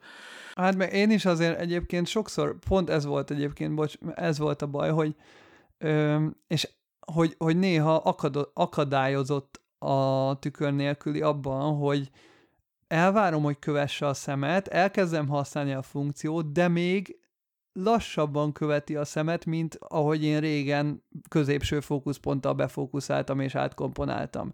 És ugye régen lehet, hogy gyorsabban le tudtam fotózni az adott dolgot, de most meg már próbálom azt, hogy ugye beállítom neki középre, és akkor szépen lassan, az EOS-ert például nagyon lassan kell átkomponálni, hogy ne engedje el ugye a témát, és emiatt szar, hogy az autó, a kamera autofókuszához nekem is alkalmazkodni kell, és igen, ilyen szempontból engem is idegesít ez a téma, és ezért is például ez az ok, hogy az X100V-n sem használom a követőt, hanem simán Aha. középső fókuszpont, mert egyszerűen gyorsabb, és, és engem is zavar az, hogy hogyha látom a kompozíciót, látom a képemet, befókuszálnék valamit, és az X100V mondjuk mutatja, hogy a, elkezd menni mindenfele a fókusz, csak nem oda, ahova én szeretném és, és az zavar. Egyszerűen zavar, mert kivesz, kivesz a, a ritmusból, és sokkal egyszerűbb tényleg megnyomni a középen a fókuszpontot, és akkor ellőni. És, és ezt, ezt abszolút aláírom, és ezért van igényem nagyon egy jó autofókuszú gépre, ami nem zavar. De mondjuk ilyen még nem nagyon volt, ami tényleg azt csinálja, amit én elvárnék, hogy tényleg megmutatod neki, és tényleg ráragad, és tényleg megnyomhatod bármikor, és mindig éles lesz, hanem ez a baj most, hogy amilyen, oké, okay, fejlődtek az autofókuszrendszerek, de Ö, igen, ez egy olyan technikai újítás, ami sajnos a fotóstól az ezer dolog mellett, amire oda kell figyelni, sajnos plusz egy figyelmet igényel, hogy na, akkor tényleg ott van-e a szemen az a kis kocka, vagy nincs. Na, amit még mondani akartam, hogy, hogy én, én, én drasztikusan több képből oldom meg az ilyen ö, nagy, nagy intenzitású események fotózását. Tehát például portréban, Mármint a mi, mihez mint képest esküvő, több. mint a tükrös. De mihez képest, Mint a mint, a, tükrössel. D4-essel, Aha. amit lőttél? Uh-huh. Igen. Tehát a, nyilván a tükrösbe tanul, szó, tanultam bele, a tükröst akkori, tehát a tükröst tanultam meg használni igazán. Tehát ott, az, ott voltam a hülyén hangzik, a pályám csúcsán talán, amikor a, amikor a két D4, két D4-jel dolgoztam, és a már kitapasztalt üvegekkel, meg, meg mindenki volt már gyúrva. És ugye jött a, a Z6, és, és nem voltam elég responsív. Tehát így nyilván most ne fogjuk a koromra, de hogy nyilván idősebb is lettem, tehát la- lassabban voltam képes adaptálódni. Meg lassabb a gép is, mint egy D4 tényleg. Lassabb is talán a gép is, igen, meg más, másban gyors, tehát pont olyanban gyors, amiben nekem annyira talán nem kell, hogy gyors legyen, tehát például a sorozat, tehát gyorsabbak a sorozat, a sorozatban gyorsabb már, mint a D4, De az meg pont Az meg pont nem mert a kéne D4 is már bőven elég. bőven volt, elég igen. volt, igen. Na, és az, ezt akartam mondani, mondani, hogy például egy, a tudatos fotóban, vagy a tudatosabb jellegű fotóban, mint egy, egy bevilágított portré, sokkal kevesebb képből oldom meg a feladatot. Tehát mint tudom én, 50-60 képből lehozok lehozom azt, amit mondjuk régen 150-ből csináltam volna, vagy 200-ból. Még egy esküvőn eh, brutálisan sokkal többet lövök, de hát ezt most te is látod majd, amikor te válogatod azt az anyagot. Na azért, mert folyamatosabb a fókusz, és akkor úgy érzed, hogy arra nem kell figyelni, azt, azt intézi a kamera, és neked már csak a kattintásra kell figyelni, ezért többet kattintottál. Na, de ami sokkal rosszabb, és most én válog, előválogatom neked ezt az anyagot, amit majd te fogsz végül utómunkázni, hogy sokkal kevésbé tudatosak a kompozícióim. És tök azt érdekes. vettem észre amúgy, És, igen. és, és most pont, hogy most mondod ezt, én sajnos pont a múlt héten ugye már dolgoztam az anyagon, és, és szembesültem vele, hogy basszus, ez, hát ez, nem ez, a kompozícióra igen. figyeltél, hanem hogy de szép a fókusz. Hát mondjuk az volt azért az év legmelegebb napja, tehát azért ez, hát nem, nem ez egyébként azért sok szempontból terhelt esküvő volt, ugye beugró fotós voltam, két nappal előtte derült ki, hogy én fogok fotózni, sok, a- a- tényleg a nap, az év egyik legmelegebb napja volt, na, halálomon voltam körülbelül nagyjából az esküvő harmadik órájától, tehát, tehát sok, sok terheltség volt, de, de nem csak ez, hanem tényleg az, hogy, hogy a kapkodás, meg az, hogy ez egy ilyen nagyon nagy intenzitású esküvő volt, nagyon sok program gyorsan váltotta egymást, oda lehet, hogy például nekem segítség lett volna egy lassabb kamera, vagy ha én tudatosan le tudok lassulni, Az a baj szerintem például a lassabb kamera képzeld el, mint amikor régen a contrast detektel a live view-ban fókuszáltunk. Na például egy lassabb kamera azt tudja, és iszonyatosan frusztráló, Hát amikor a fókuszálás úgy megy, hogy ott van a csoportkép, minden izés, de ez saját projektnél is tök frusztráló, hogy, hogy, hogy szeretnéd meglőni az adott dolgot, tök mindegy, és akkor fókuszálsz, hogy Szerintem ez egy kicsit azért túlzásnak érzem. nem kicsit. Ez, ez Gábor, ez nagyon brutális túlzás. De, de én szerintem is. Tehát, hogy azért ne, nem, ilyenek, nem ilyen dolgokra gondolok, hogy, hogy lassuljunk le, meg, meg igen. Ö, és egyébként, amit te mondasz, igen, és po, ami, amit, amit Gábor te mondtál, meg hát amit, amit, én mondtam, és majd te rákötöttél, igen, és pont nekem ahhoz, hogy megtanuljak a milcel fotózni, kell egy előképzettség, úgymond, egy teljesen új rendszer, ami még lassabb, mint a 6D volt, hogy igenis tudjam tudatosan leállítani az agyamat, és nem pörögni. És ez valahogy, nyilván, hogyha neked ez így, így ment, akkor tök, tök király, ment, hogy az, az tök, tök jó ö, szintre val, de szerintem nagyon sok fotós nem így van. És hogyha, hogyha a, a hallgatóink közül valaki azt érzi, hogy ö, hogy rossz, rosszul komponáltak a képei, ö, átgondolatlanak a képei, stb. stb., akkor nézd meg, hogy mit, mivel, meg hogyan fotózik, és lehet, hogy pont az az oka, amit most mi elmondtunk, hogy gyakorlatilag videózol, és, mi, csak, és nagyon gyönyörűen fogalmaztál, azt nézem fotózás közben, hogy követi a szemet az autofókusz, és nem azzal foglalkozok, hogy a téma éppen mit csinál a fotón, meg milyen, hogyan van elhelyezve, mi van a háttérben, mi van az előtérben, hogyan van beletéve a frame-ba az, az, az ember, vagy legyen az bármi, hanem, hanem élvezkedünk a fényképezőgépünknek a teljesítményén. Így van. Extrán idegesítő, de én ezekre, én amikor megvettem az EOS R-t, két hétre elmentem egy portréfotózásra, és a portréfotózáson lőttem nagyon sok képet, és azonnal észrevettem ezt, és én azóta tudatosan figyelem ezt. Tudatosan figyelem például azt is, amit szintén sokan nem, hogy a szemkövetés által, és még a Fujinál ráadásul bekarikázza, vagy benégyzetezi az, az arcot, és azon belül még ad egy pici négyzetet a szemre is, hogy ezek a sok, sok kicsi display, ez eltakarja ám az arc kifejezését az alanyomnak. Hoppá, bizony. Ez, ez annyira durva, hogy erre nagyon sokan nem figyelnek, hogy én ezt észrevettem, hogy már az első fotózásomon, hogy, hogy így nézem az autofókuszpontot, nézem, hogy követi a szemet, és tényleg nézem, hogy wow, de szép éles képet lőttem, és az arc kifejezés meg így nincs ott, mint régen volt. Vagy éppen az arckifejezéstől kérek egy picit szenvedélyesebb arcot, és, és, és inkább mégse kérem, mert jaj, jaj, félig becsukja a szemét, elveszti a fókuszt a kamera, meg nem tudom, kicsit félrefordítja az arcát, és akkor hoppá, már az autofókuszpont megnőtt, akkor az inkább fordíts vissza kicsit az arcodat, míg DSLR-rel simán lőttél valahova egy izé, fókuszpontot, és akkor az úgy meglőtted a fotót, és volt egy félig elfordított arcod, ami, ami egy ilyen tök szép elkapott pillanat volt. És ezért mondom, hogy ez, e, ez, ez újra kell tanulni a fotót. Na, amit most itt elmondtál, arra mondta Kaunitz Tomi, amikor először használt, vagy próbált ki tükör nélküli kamerát, hogy szerinted tökre nem alkalmas portréfotózásra. De szerintem alkalmas, csak meg kell tanulni nyilván. Ezt mondom, hogy hozzá kell szokni. Vagy, vagy így át kell állni. Mint ahogy telepjáróval is lehet gyorsan vezetni, csak ügyesebbnek kell lenned. Meg szóval mindenre lehet mindent. Most ez ennyi erővel azt is nem, hogy te is tudsz lassú kamerával gyorsan fotózni, csak tanuld meg elkapni a pillanatot. Persze, tehát igen, persze, hogy, a, persze, hogy lehet. De pont ezek miatt mondta, akkor pontosítok, vagy hát nyilván vagy számon kérem Tamáson, hogy miért így fogalmazott, hogy, hogy ez, a, ez a hátránya, ez a rohadt nagy hátránya, hogy, hogy, hogy eltakar, hogy egy, egy, egy screent látsz, nem az élő embert. Engem ez zavar, engem, engem ez a mai napig zavar, most már két éve zéhatozom, hogy nem látok át. Nekem sokkal jobban tetszett a, a, az élőkereső, a tükrös kereső. Mai napig belenézek egy tükrös gépbe, engem az jobban gyönyörködtet, mint bármilyen szép uh, EVF. Nekem a legnagyobb bajom az eos meg a, a sáttörleg egyébként iszonyatosan visszavesz. Tudod, amikor ilyen kis arc kifejezéseket kell éppen elkapni, fú, nagyon rossz. Hogy, és én meg sokszor ezért lövöm túl, mert a sáttörleg kivesz a ritmus, a saját ritmusomból. Na, én meg a, én meg a fókusz miatt lövöm túl. Marha jó. Igen, e, e, azért, mert hogy a kamerák nem támogatnak minket, nem dolgozik eléggé alám. És én erről beszélek, hogy nem az, a cél, nem az lenne a jó, hogyha kevésbé dolgozna alám, hanem szeretném, hogy még jobban alám dolgozzon, és ne kelljen már ezekre annyira figyelnem. Például a Fujinál nem figyelek a shutterlegre, mert jó a shutterleg, és akkor erre már nem kell ö, kalkulálnom azt a plusz negyed másodpercet az agyamba.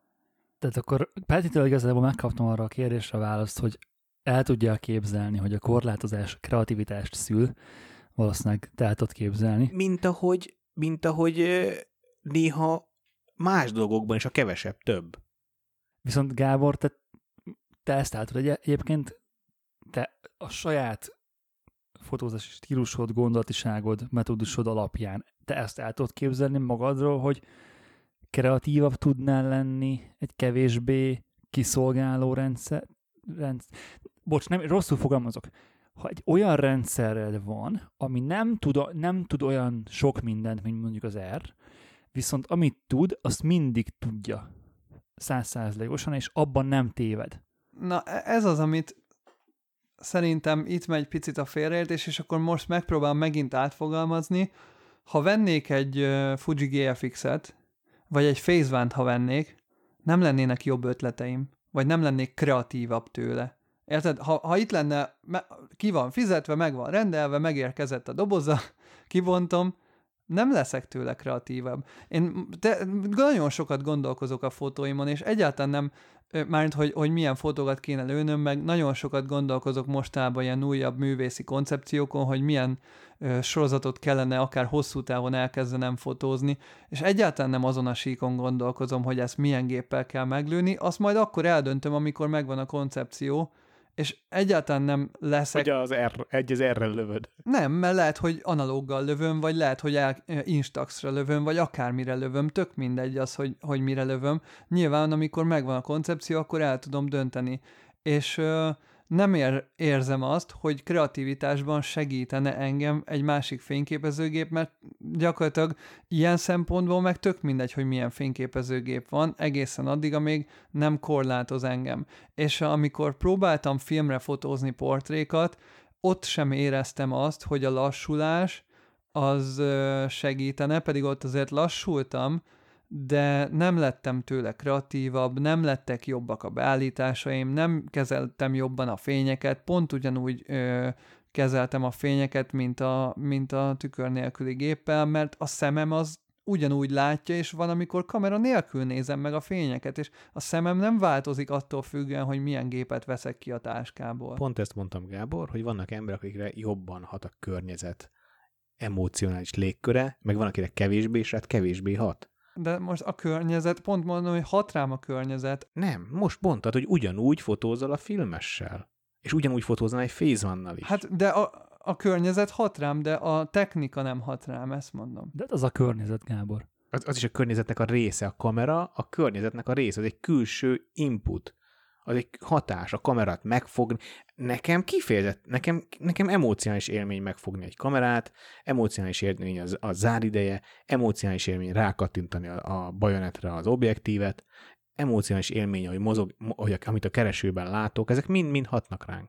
Egy csajjal beszélgetve gyújtasz egy gyertyát, és akkor onnantól randi, annak más lesz a, más lesz a légköre.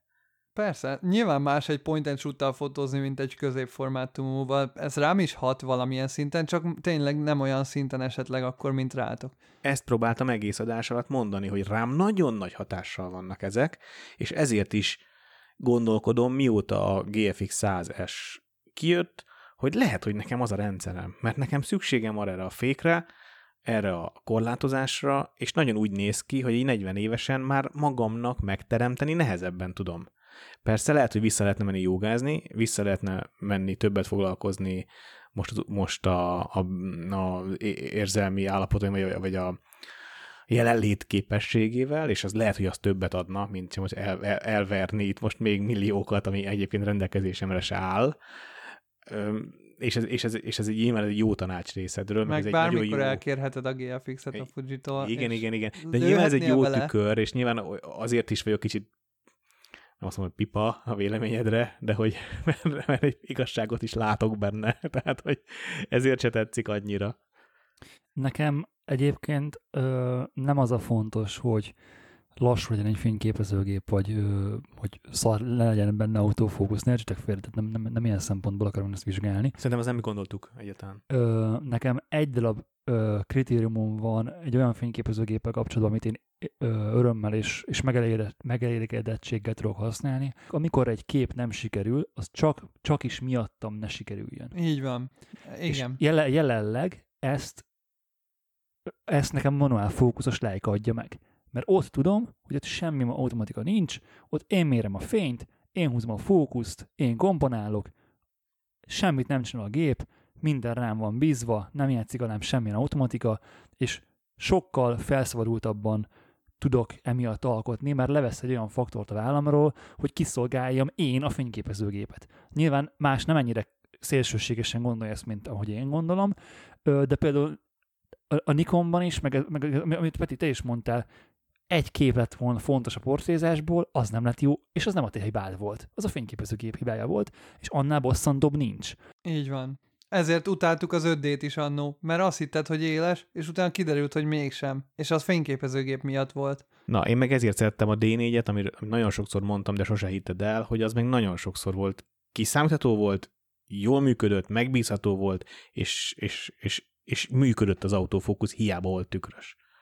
És egyébként azt is észrevettem magamon pluszban, hogy ö, lassan másfél éves az MP, ö, száz tekercsnél járok kb., amit előttem eddig vele, és tekercstől tekercsre fejlődök. És ha ezt még mit tenni, két-három évig ezt nyomom, nem lesz olyan szitu, amit ne tudnék magabiztosan bele, amiben ne tudnék magabiztosan belemenni, és ez mindenféle automatikától független. Nyilván lesznek olyan szütük, amiket képtelen lennék lefotózni vele, mondjuk egy sporteseményt nagy telével nyilván nem tudok lefotózni vele, tehát ne értsük fél, nem, ne ilyenek, nem megint a spektrum két szét nézzük, hanem ugye nyilván ezt a saját témáimnak a reflekciójában beszélem a dokumentarizmusban, a városképekben, tájképekben, emberábrázolásban, ilyen szituációkban. És ott nekem ez a rendszer, ez most jelenleg úgy érzem, hogy ez, ez a legjobban kiszolgáló rendszer. Nyilván vannak hibái, kezdjük ott, hogy ugye filmes a maga a szett, tehát hogy nem tökéletes ez sem, de hogy a frusztráció ezzel kapcsolatban a legkevesebb, amit érzek, amikor kimegyek fényképezni. Ja, egyébként még a GFX-re visszatérve, pont múltkor mondtam Petinek, hogy ha, tehát hogy én többször mondtam, hogy nem látok nagy rációt a GFX-ben, de múltkor, amikor mutattam neked azt a piros fóliás portrét Benedek, és akkor igen, vágtuk, igen, igen. vágtuk négyszer ötbe, ugye? És ott jöttem rá, hogy nyilván néztük, hogy printben mennyivel jobban néz ki egyébként, vagy jobban néz neki négyszer ötben, és ha printbe dolgoz, printre dolgozik az ember, akkor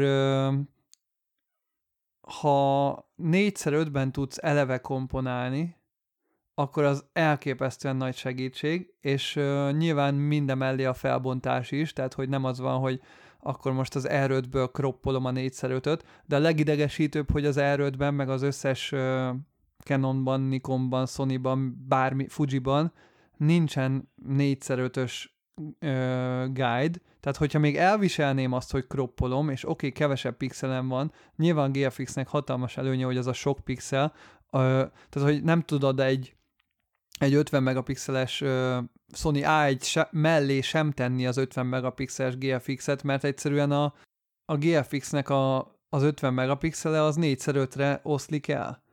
A Peti a, most mutatja, hogy a Nikonon van 5x4-es crop, tök jó. Ezt mondtam is neked a múltkor, hogy... A És hogyha kiválasztod, akkor lesötétíti, mutasd meg. Hát már az is jó, ha csík van, csak hogy lássa az ember, hogy mit komponál. E, egyébként ezt mondtam neked a Gábor, hogy, hogy én a D4-nél meg is szívtam ezt, hogy véletlenül valahogy valami új volt a kamera, és nem volt, tehát más gombra volt programozva ez a dolog, mint megszoktam, vagy szervizből kaptam talán vissza, és akkor amiatt, és ettől átraktam, hogy 5-6 képet lőttem egy rendezvényen 5-4-be.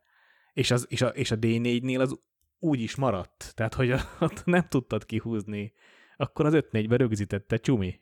Akinek nagy felbontású, nagy méretű print kell, és nem akar ö, kroppolni, és eleve úgy akar komponálni, annak, és, és lassú fotókat akar csinálni, annak látom, hogy ténylegesen lenne létjogosultsága a GFX-nek, ugye korábban mondtuk, hogy annyira nem, de nyilván ez egy rohadt jó funkció, hogy az E7-ben lehet kroppolni 4x5-re, nyilván akkor ott a 45 megapixel helyett valamilyen nyilván kevesebb lesz, és akkor azt mindenki eldönti magának, hogy eldobja azokat a pixeleket, vagy vesz GFX-et, meg nyilván kevésbé részletgazdag, de nem annyira számít, attól függ, hogy mekkorában, meg milyen igényességgel akarsz nyomtatni. Ez totál szubjektív dolog. De eleve a papír nem tud olyan felbontás, mint a monitorod, tehát nem lesz olyan felbontású soha a print. Hát, ha nagyban nyomtatod, azért tud. Jó, igen, de a nagyban nyomtatni meg nem, nem 20 centről fogod nézni ezt a printet, mert nem tudod befogadni.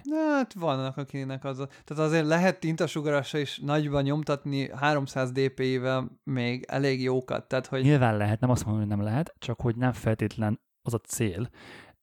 És én nem érzem egy 25 megapixeles digitális gépet, mondjuk amíg a tetejéből egy picit lekroppolsz, hogy az bármilyen probléma lenne. De ezt mondom, hogy számunkra nem cél, neked nem érzed, én sem érzem. Én is azt mondom, hogy ha most választhatnék, inkább az r a ö, kijelzőjét fóliáznám le, mint hogy vegyek egy GFX-et csak a 4x5 crop miatt. De de ettől függetlenül látom azt, hogy valaki miért vesz GFX-et. Tehát ez egy abszolút valid, valid indok lehet. Nyilván hm, én is úgy vagyok vele, hogy több dologra használható fényképezőgépet vennék, és inkább lemondok arról a néhány pixelről, mert az erőt kroppolva is még egyébként tök jó lehet, csak, csak tényleg így izé beszélgettük, hogy azért milyen jó az, hogy 100 megapixel a 4 5 van elosztva, és azért ott van, van miből dolgozni. Hát van egy fotóm, amit a GFX-szel készítettem még, még amikor nálam volt teszten, azt én is meg ötször hét, egyébként én ötször hétre kroppoltam végül, nem 4x5-be, ö, és érted, még így is 11 ezerszer nem tudom hány pixeles. Tehát miről beszélünk? Tehát, hogy annyira durva. Hát az tényleg nyomtatásra készülő képek, vagy pedig extra ilyen nagyon belezumolós arcoknak, akiknek ez az igénye. Ja, csak azt, hogy mondom, hogy, hogy abszolút van keresni valója a GFX-nek a piacon, bár Szóval. tényleg nagyon speciális kamera, és én azt gondolom, hogy nekem egyáltalán nem való a GFX, annak ellenére, hogy látom, hogy tök jó kihasználható gép lehet, akinek specifikusan ez a célja. Egyébként szerintem, hogyha, hogyha szigorúan a, a saját projektjédet nézzük, hogy te, te önmagadnak milyen képeket készítesz, és nem a, most nem a melókról beszélünk, azt tegyük teljesen félre. Én, én, én megkockáztatom, hogy neked bőségesen elég lenne a GFX, Gábor, hogyha, Lehet, hogyha meg tudnád azt állni, hogy nem, nem idegesíted magadat föl rajta. Hogyha nem, nem azon, tehát hogyha megtanulod, mert ugye ez is egy tanulás, ha megtanulod azt, hogy igen, ez a fényképezőgép, ez ilyen. Ezt így, úgy, ahogy, ez, ahogy az x is megtanultad. Hogy ez, ez egy, egy ilyen fényképezőgép, ezt így használjuk. És hogyha ez, ez sikerül, akkor szerintem ö, nagyon boldog lennél te azzal a géppel. persze, de nem szeretnék venni olyan gépet, de esküvőkön, esküvőket, De ez nem is esküvő. kisebb, azt mondom, egy-két kisebb melót kivéve amúgy mindenemet lefedni, a GFX is valószínű, de annyira meg nem tetszik a rendszer, hogy, hogy, hogy én arra váltsak igazából. Tehát, hogy nem, nem látom annyira az előnyét. Tehát hamarabb vennék egy 851-2-t a mostani rendszeremhez. Teljesen érthető. Na, volt kérdés korábban, vita kérdés, nem tudom, hogy nevezzem, hogy a Nikon, amikor csökkented, vagy változtatod az aspect rate, a kép elkészítésének kép arányát, például full frame helyett egy-egybe fotózol, vagy 5-4-be, vagy APS-C-be, hogy akkor megtartja-e az eredeti croppot, és én mondtam nektek, hogy én rohadtul úgy emlékszem, hogy nem tartja meg, akkor De az... biztos megtartja. Na, és most, na igen, ez volt a múltkori beszélgetésünk témája is, és nem tudom kihúzni. Tehát most beimportáltam Light, A Lightroom-ba. rót. Igen, nem tudom, nem tudom. Küld már át azt a rót. Ez nagyon kiábrándító. A Canonnál ugye utólag bárhogy Én kroppolhatod. ismerek egy fotóst, aki nem olyan régen azt mondta, hogy eléggé tudatos fotós ahhoz, hogy pontosan tudja, mikor mit csinál. Szerintem a Nikon pont az ilyen tudatos fotósnak gyártja ezt a funkciót. Ha egyszer haver 5-4-et állítottál be, akkor nyilván 5-4-be akarsz fotózni, nem akarod utólag visszahúzni, hiszen tudatos fotós vagy.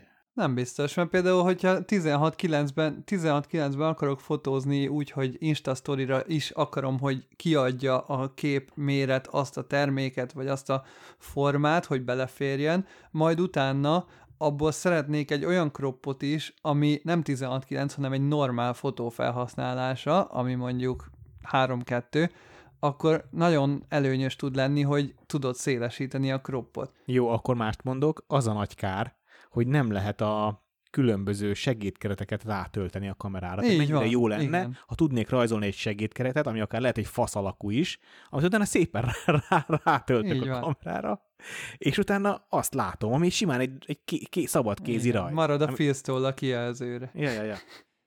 Na, Peti, de neked legalább megvan az opció, hogy ha szeretnél 5-4-ben fotózni, akkor tudsz. Megnéztem az E6 2-t, kedves Nikon, az E6 2-ben csak az 1-1-et, a 2-3-at és a teljesen felesleges 16-9-et ö, engedi ki, ki, crop. E, e, Tehát ez, ez, ez mi? Hát igen, mert a, a én emlékszem a D4-nek a leírásából, hogy miért van az 5-4. Az volt a kézikönyvben, hogy ez valamilyen classical portrait. De én is szeretnék klasszikus portrétképeket De készíteni a látod, látod, az 400 ezer Z7, forinttal olcsóbb fényképezőgépen, vagy 300 ezer forinttal olcsóbb fényképezőgépemmel is. a Z7 a, Z7 a portrékamera haver, nem az Z6. A Z6 az egy ilyen szaladgálós. Akkor az E6 2 eladó. A, ha már két gép, egy szintén follow-up a legutóbbi adásunkban, ugye beszámoltunk arról, most is volt róla szó, hogy Peti fotózott egy esküvőn, és korábban volt egy hatalmas nagy ö, dile- vagy egy ilyen konfliktusunk Petivel, hogy Nevezzük fightnak. igen, le, leharcoltuk a valamelyik sziklánál egyébként, és Benedek levideózta. Arról van szó, hogy melyik a gyorsabb. Objektívet cserélni egy vázon, vagy ö, kettő vázzal fotózni, dupla hámmal, és akkor azt váltogatni. Én már akkor is azt mondtam, hogy ö, az objektív csere gyorsabb, de csak azért mondtam azt, és ezt most is tartom, mert négy objektívvel így is úgy is kell cserélned. Ugye én négy fixel fotózok, és 20, 35, 50, 85, és akkor ezáltal sokféle perspektívában tudok esküvőn fotózni, és akkor a négy objektívnek a cseréje, tehát ha hiába lenne két váz a nyakamban, nem úsznám meg ugye az objektív cserét, és akkor még azt is követnem kéne, hogy éppen melyik vázra melyik obit raktam. És számomra ezért előnyösebb az, hogy egy vázzal a nyakamban fotózok, a pótvázam az a táskában van, és a, a maradék három objektívem, ami nincs a fényképezőgépen, az lóg az övemen. Aztán most ugye láttam Petit fotózni esküvőt, és olyan smooth módon nagyon gyorsan, profin váltogatta ugye a két fényképezőgépet, hogy nagyon, nagyon tetszett ez a megoldás, és tényleg nagyon durván gyors volt, tehát ilyen adott pillanatban, aminél mondjuk, ha fixel fotózol, nem váltanál lobit, akár egy ilyen nagyon icipici pillanatban is, mint egy gyűrűhúzás, ott, ott inkább végfotózod ugye egy jobbival, mert nem fér bele a váltás, abban is Peti megtehette azt, hogy váltott, és még mindemellett Zoomobi is volt a második vázán, tehát hogy még... még... az kényszer volt, hogy Zoomobi volt, mert legszívesebben 85 lett volna ott, ugye 35-85. Aha. Egy kényszer megoldás volt viszont- a 7200. Viszont ezt mondtam Petinek, hogy ha már esküvő, meg ha már riport, és ha már gyorsaság kell, akkor számomra egy tökéletes setup lenne egy Canon, két darab Canon R5, 2870 f2, meg 7202.8, és meg vagyok. Igen. Viszont így, hogy fixezni kell, így én még tartom azt, hogy ez a legjobb Kell. megoldás. Kell. Hát, mert hogy, mert hogy hogy máshogy. Tehát, hogy Ez az, az a fejet, amit vágtál ezt, hogy be kellett volna, már kár nem veszük a videót, hogy más, hogy hát eh, egyébként hozzáteszem, hogy a 35-85 páros, vagy ki, hogy használja 50-85 páros, ki, hogy használja, eh, tehát a két géppel az rossz. akkor, de Gábor, az két géppel akkor is sokkal gyorsabb. Igen, de ahhoz is akkor ugyanúgy vennem kéne egy második ugyanolyan jó gépet, venni kéne csomó mindent. Meg ami nagyon jó, Gábor, ebben, hogy az egyik vázon rá tudod, mindig nagy látót hagysz. Én mindig tudatosan úgy használom, hogy bal, bal oldali kamera az 20-35, jobb oldali ka- kamera az 50-85, vagy 85-70-200, vagy 85-105.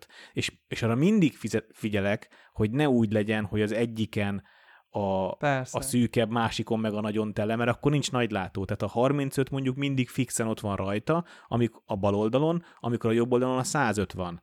És akkor, amikor hirtelen föl kell emelni, hogy messze történik valami, ott a 105, ha valami közelebb jön, ott a 35. Vagy ha az egyiken a 20-as van, akkor a másikon 50-es lesz, vagy 85-ös, hogy ne legyek nagyon beszorítva. De nyilván ezt egy hosszú évek alatt kialakult rendszer. Még megmondtad is, hogy a Z7-2-re rakod ugye a nagy látót, emiatt abból is lehet kroppolni, ha kell. Na, hát ezt, ennek a revelációnak azért örülök, Gábor, hogy ez megtörtént esetben, hogy ezt beismerted. Igen, a reveláció az az lett, hogy ha ilyeneket fotóznék rendszeresebben, akkor be kéne investálnom. Egy nagyjából mennyit? Ilyen 6 millió forintot körülbelül? Mert két R5, 2870 meg a 7200. Na érted? És mivel ez, és, és nem azért nem fotózok dupla hámmal, dupla obival, mert, mert annyira nincs kedvem dupla hámmal fotózni, mert nincs 6 millió forinton beinvestálni ebbe a rendszerbe. Igen, tehát ezt ugye ő is lehet kezdeni, hogy veszel egy második ert ö, na, 400 ezer forintért, vagy nem tudom mennyire most a használt ára. Tudod mennyi egy R? 800 ezer egy R újonnan. Jézus is. 600, és 600 fölött van használta. Két, még két dolgot hozzáfűznék. Az egyik, hogy amikor te objektívet cserélsz, akkor van olyan pillanat, amikor alkalmatlan vagy a fotózásra. Így van. De amikor váltod, az, amikor váltod a két vázadat, akkor is van egy pillanat, amikor alkalmatlan vagy a fotózás, és nekem mindig az volt az érvem a dupla vázazás ellen, hogy ugye nem tudhatod, hogy éppen milyen fényerőn van a másik vázad, főleg akkor, hogyha még más fényerőjű obi is van rajta. De tudod, mert tudatos fotós vagy. Ez nem kérdés, egyrészt ott van az automatika, másrészt meg amikor bemész egy helyre, akkor jellemzően nem változnak fél másodpercenként a fényviszonyok. Tehát, hogy ott azért jó, jó esetben egy, egy, egy beállításra le lehet hozni egy, egy, egy sztorit. Másik dolog, hogy ö, amióta megvan a 90-es Obi-Wan Leica-ra, ö, nagyon gyakran dupla vázla megyek sétálni. Tehát nem esküvőt fotózni, meg rendezvényt fotózni, hanem délután is sétálni a városba, és szép fényeket fotózni. És itt megint ugye az jön hozzá, hogy maga a mindset ö, nekem, a dupla váz az abban is segít, hogy minden pillanatban nyitva van mindkét opció. Tehát nem kell ö, azzal, hogy azon gondolkoznom, hogy megéri most elővenni a táskából azt a objektívet, és nem a hátizsákon van az objektív, hanem egy övtáskán a mellemen. Tehát belenyúlok az övtáskába, ráteszem az objektívet, tehát gyakorlatilag, mintha az derekamon lenne egy, egy Love Pro kis szütyőben az objektív, tehát ugyanaz az effort, de mégis mérlegelem azt, hogy cseréljek-e, vagy ne cseréljek. És amíg, amint a vállamon lóg a két váz, ez elmúlik, és sokkal ö, flexibilisebben váltok a két látószög között, és, és tudok ö, gondolkozni folyamatosan a két látószögön belül. És akkor két vázba ugyanaz a film is van betöltve? Legtöbbször igen, ö, vagy pedig ugye arra szoktam figyelni, hogy ö, az, az a macera, amikor mondjuk az egyikbe Portra 400 van, a másikban meg Portra 160, mert ugye nem tudom átszámolni könnyen a, a fényerőt. Az utóbbi időben ugyanaz a film van benne. Vagy maximum, maximum azt szoktam csinálni, hogy az egyikben van mondjuk egy 200-as film, a másikban egy 400-as. És akkor, akkor ugye egy fényértéket kell ugye kalkulálni, mert ugye az M3-ban nincs fénymérő, de, de legtöbbször ugyanaz a film van mindkettőben, mert, mert legtöbbször Portra 400-re fotózok, vagy a Silver Zárc mozi filmre fotózok, és az csak az van érted, amúgy is azt tenném be másodjára is a vázba. Tehát, hogy... Most volt szó arról, hogy automatika meg fénymérés, és itt van még egy dolog, amit újra kell tanulnom, mióta milcel fotózom, hogy a tükrösnél a rutin volt nézni a, a frémen kívüli fénymérő csúszkát. Az egy ilyen, az ilyen ösztönös rutin volt, hogy az expozíció pillanata előtt ránéztem, hogy ez oké-e és a Milcnél nem nézem, mert annyira beleépül a keresőbe. Ráadásul a Nikon... Hát meg ugye mi azt hozzá vagy szokva, hogy amit látsz, úgyis olyan lesz az expo. Viszont, mivel hogy az IVF-en nem lehet annyira megállapítani, hogy most mennyire zajos a kép, e, és a Z6-tal rendszeresen előfordul Z6-2-vel, hogy hogy nem veszem észre, hogy magas izom vagyok, mert annyira tiszta a keresőkép. Le kéne limitálni az autóizódat. Hát az meg nem jó, mert akkor meg Alexpo lesz a kép. Bár mondjuk az Alexpo ma már nem olyan nagy probléma, mint a magas. Most az Igen. Olyan ISO 50 ezreket engedsz meg a gépednek, amit nem kéne. Oh, de jó, de amihol ne, nincsen fény, ott muszáj. És a másik Gábor, még a Hevederhez akarom mondani, hogy eh, ami nagyon nagy előnye, és ami eddig még egyszer se hallottam, hogy számolsz vele, hogy a nyakpánt az mindig előre húz egy picit. Igen, igen, a nyakamat nyilván fárasztja a nyakpánt, persze. Na, ha, ha már beszélgettünk így a limitációkról, hogy segítenek, és arról, hogy Benedek mondta, hogy hiába van ott az övén a, a plusz egy pici obi, amit ne, no effort felrakni, de mégis effort. Ez a hogy nem, nem, nem no effort. Uh, vegyek-e 50 millis telekonvertert az X100V-hez? Akkor vegyél, hogyha megbírod azt állni, hogy cserélhet objektívként tekintesz rá. Tehát, hogy ö, elmész fotózni valahol, felméred ott a szitut, hogy melyik objektív lenne ott jobb általánosságban, a 35-ös vagy az 50-es, és hogy nem, nem azt csinálod, hogy képenként le, le, ki, leveszed, visszateszed, leveszed, visszateszed. Hát letekergetni egyébként Igen, kicsit macer. Han, hanem tényleg az, hogy amikor, vagy amikor nagyon kell az 50-es, akkor teszed föl, az lenne a mindsetem amúgy eleve az, hogy amikor olyan fotó kell, hogy picit telébb, akkor igazából most a balatoni trippen is már, meg már előtte még egy trippen feljött bennem az igény, hogy elmentünk ugye tartalmat gyártani, beraktam az X100V-t, mert hogy az egy ilyen kis gép, meg szeretem, ha nálam van, meg tökre szeretem, szeretek vele fotózni. De Nyilván nem mindenre jó az a 35 mm-es látószög, meg kell a tartomgyártása az 50 mm, hogy jól lefotózzuk szépen a jó bokéval a termékeket akár, meg magunkat, meg mit tudom én.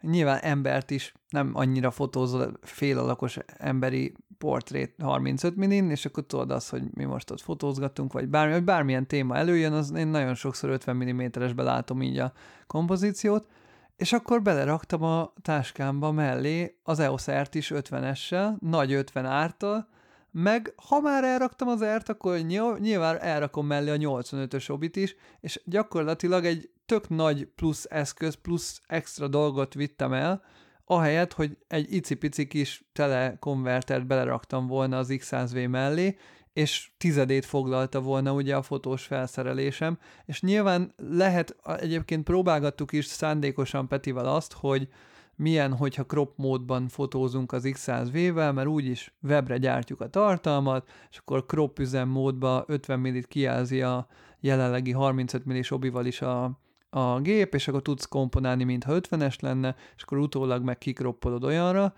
Ö, biztos nem rossz, de valahogy ö, ugye ez elijeszt engem attól, hogy hogy komolyabb 50 millis fotókat gyártsak, hanem ez persze a webre jó lesz, mert hogy kikroppoljuk, azért oké, okay, tartom gyárt, tripodcastes dolgokra jó, de, de ha meglátok valamit, és, és 50 millivel le szeretném fotózni, tök jó lenne, hogyha nem kéne mindig magammal vinni a plusz 3 kilós gépet, ugye?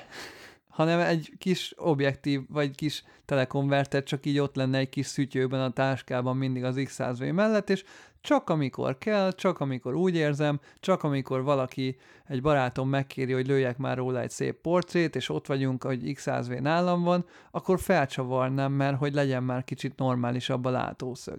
Megkockáztam, hogy messze te használod a legtöbbet háromunk az X100V-t. Petiébe több expo van, néztem. Az nem számít, én sokat lövök. Az nem számít. Ja. Aha. Egyébként nagyon sokat használom. Én majdnem minden fotózok vele valamit így magamnak. Igen, Peti is nagyon használja. Benne szerint te használod a legkevesebbet, Peti a legtöbbet lehet. Peti, Petinek van mostában a legtöbb fotózása, ezért ő tudja a legtöbb helyre elvinni pluszba még magával. Hát meg ugye jövök, megyek a városba. Hát az, hogy én is jövök megyek a városba, csak ugye ez előbb említett lejkával fotózok mindent még mindig. Na ez az. Uh, és egyébként azon meg 50-es van fixen, tehát én arra jöttem rá, hogy én próbálkozhattam itt 35 mm-rel így éveken keresztül, de nem, az, az, az 50 az a látószög számomra.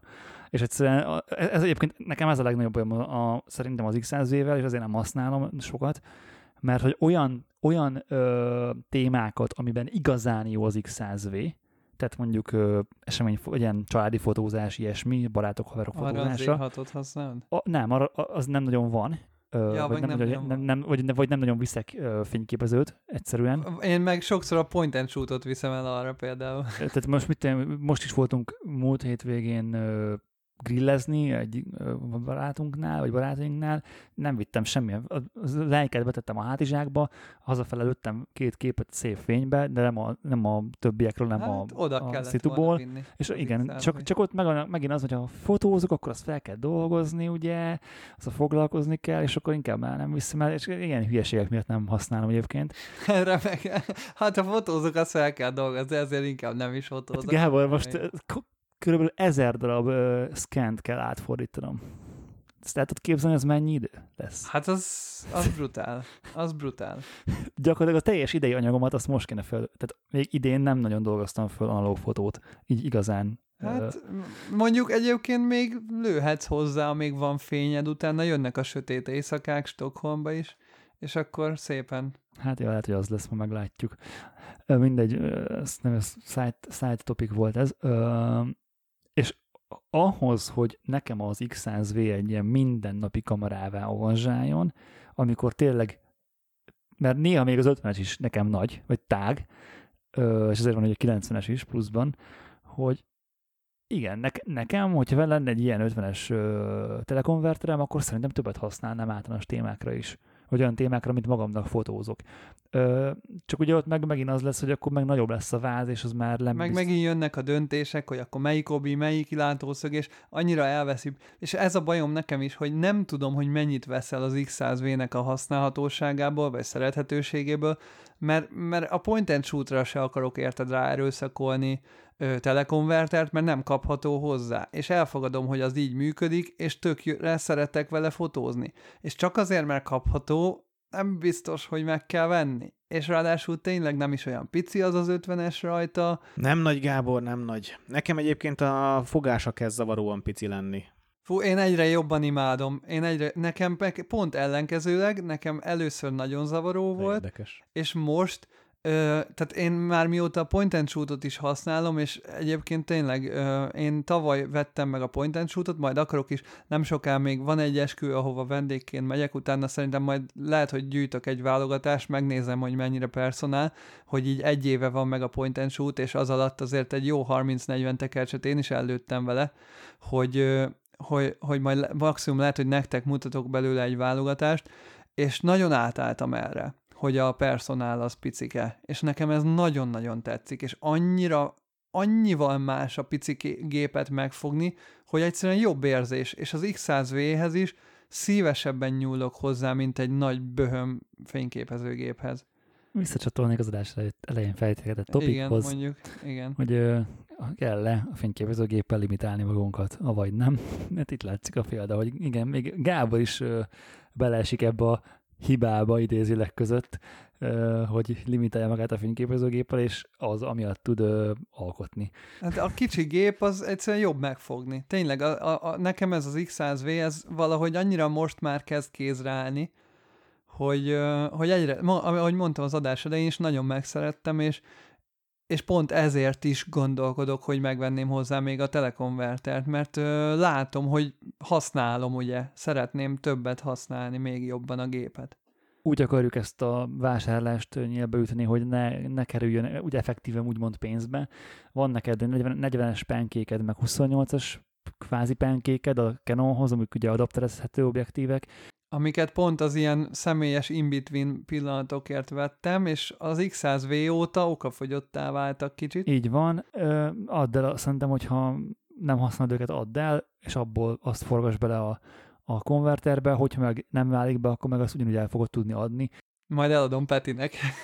Bukni nem nagyon fogsz rajta szerintem. Ö, és én tök megnézném, meg tök kíváncsi lennék, hogy, hogy mit gondolsz róla, mert lehet, hogy az majd engem is arra fog ösztönözni, hogy akkor majd én is lehet, hogy meglépem ezt. A... Ebbe gondoltam még bele ma, hogy ez a telekonverter, ez körülbelül ugyannyibe került mindig is, és amikor az X100 110 ezer forint volt használtan, és akkor 70-80 ezer volt a telekonverter, akkor nem vetted meg hozzá, mert hülyeség, mert inkább veszel még egy X100-ot, vagy bármi, érted? De, de egyszerűen nem érte meg. Viszont most, amikor 600 ezer egy X100V, és ahhoz képest csak 100 ezer, 120 ezer a, telekonverter, így azért most már tényleg inkább egy ilyen olcsóbb kiegészítőnek hat, mint hogy, egy, mint hogy tényleg annyit fizetsz egy obiért, mint amennyit az egész fényképezőgépért fizettél. Sőt, nem is egy obiért, mert nincs is benne mozgó alkatrész, meg semmi, hanem ez egy ilyen kis lencse. Igen, csak ugye ez rá van dizájnolva, tehát ugye ez elvileg azt mondja a Fujifilm, hogy ugye ez, ez nem olyan telekonverter, mint ezek az ilyen gagyi, nem tombik, amiket így ráteszel az objektív elejére, hanem gyakorlatilag ez, olyan, mint, ez olyan, mint hogyha rátennél egy 50-est. És nyilván, nyilván azért nagy, mert hogy így tudják biztosítani, hogy megmaradjon a fényerő is, például F2, ami, ami meg ugye nem is, tehát mondjuk egy kétszerező vagy egy, egy négyszerező is mindig levesz a fényerőből, ez meg nem vesz le a fényerőből. Tehát azért ez kicsit más kategória, mint a telekonverter. Meg a korábbi x százaknak a fókuszát picit meghülyítette, tehát szignifikán, megnéztem már a világ összes tesztjét róla, persze. Hú, de meglep, hú, de meglep. És hogy az X100V-nél most már jó vele a fókuszálás is, míg a korábbiaknál picit csökkent a fókuszálás teljesítménye ahhoz képest, mint amikor telekonverter nélkül fókuszáltál, ugye. És az azért szerintem eléggé számít, mert nyilván nem akarsz fókusz teljesítményt csökkenve használni, főleg még az előző X100 szériákkal, viszont így most már azért ez egyre inkább tényleg csábító a... Gábor, vedd meg. Ja, valószínű az lesz egyébként. Ugye jó két, két-három hete uh, Nick Carver újra posztolt egy Behind the Glass, with the Glass epizódot YouTube-ra. Ugye ez egy egyik kedvenc fotósunk így Gáborral és nagyon-nagyon jó ez a, ez a sorozat, amit csinál. Ez az igazán nem egy podcast jellegű dolog, csak ugye egy maga mondja az okosságokat, és kb. fél órában, és mindig egy valami italt ajánl az elején, és akkor utána meg valami fotós dilemmáról, vagy bármiről beszél. És a legutóbbi adása kifejezetten rezonált velem. Olyan témát dolgozott fel, ami gyakorlatilag az elmúlt másfél-két évet meghatározta ilyen gondolati szinten, hogy, hogy miért nem, tehát még nem, nem, nem lövöm le, mindjárt mondom, hogy miről, miről van szó. És úgy kezdte a videót, hogy ö, olvasott egy könyvet, a, nem tudom az, a szerzőnek a nevét, a PayPal egyik alapítója volt a, az ember, aki írta ezt a könyvet, és arról beszélt, hogy volt egy szekció a könyvben, ami a, a megelégedettség, vagy a, az érzésről szól. És azt mondta, azt, azt írt ez az ember, hogy azért nem elégedettek ma az emberek, mert van három kategóriába lehet sorolni azt, hogy milyen, milyen befektetett e- energia kell ahhoz, hogy valamilyen célt elérjünk. Ugye van az, amit gyakorlatilag egy csettintéssel meg tudsz csinálni, Ugye azt, Könnyen elérhető cél? Igen, nagyon könnyen, elér, nagyon könnyen elérhető cél. Ugye emögé nem, igaz, nem igazán van megelégedettségérzésed, mert ezt megcsinálod, és kész. Van a, a kihívásokkal teli, de még megcsinálható cél. Ugye ez az, ami, ami után tényleg egy kreatív, nem is az, hogy nem feltétlen kreatív, de, de munkát, energiabefektetést, gondolkodást igénylő feladat, aminek a végén ugye meg is van az elégedettségérzés, és van a harmadik típus, az, az meg a lehetetlen, ami meg ugye bármennyi energiát teszel bele, azt sosem fogod tudni elérni. Ez egy olyan cél.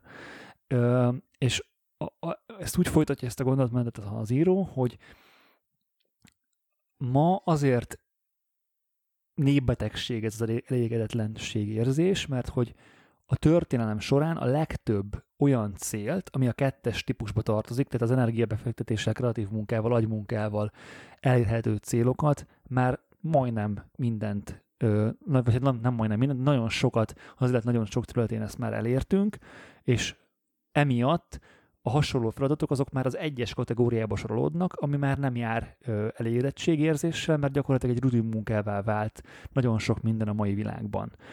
És nyilván ugye a harmadik ö, lépcső az meg ugye sosem jár elégedettséggel, mert sosem tudod ugye elérni. Tehát ak- akármilyen is próbálkozol, by definíció nem tudod elérni azt a célt. Tehát hogy hiába szánod az életedet, úgymond elégedetlenül fogsz meghalni, mert hogy nem fogod tudni azt a célt beteljesíteni. És ezt ugye ráhúzta a fotózásra is, mert ezt, ezt már Nick Carver vont ebből, ebből a párhuzamból a fotós párhuzamra dolgot, hogy ha megnézed a 90-es, ugye az 1900-as évek fotótörténetét, akár a Ansel Adams-től, Magnum nevektől, tehát Eggleston-tól, tehát tényleg a, a, a nagy, vagy akár most mondhatnánk portréfotósokat is, csak azokat nem tudok sorolni, bármilyen fotós nevet megnézel, ők elérték az akkor kettes lépcsőnek számító fotós célokat, a, ők ezt már letették az asztalra, ők ezzel belekerültek a fotós ö, történelembe, művészet történelembe, és innentől kezdve olyan fotókat mi már nagyon könnyen tudunk készíteni, tehát az nekünk nem elégedett, nem, nem okoz olyan szintű elégedettségérzést, mint amit, amit nekik, okozott, hiszen már kvázi egy másolás, úgymond.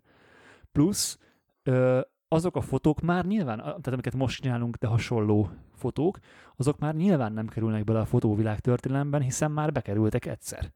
Tehát most én is végigmehetnék ö, Amerika Nemzeti Parkjain, nem fognak bekerülni a Nemzeti Közkincsbe, mert Ansel Adams ezen már végigment és bekerült.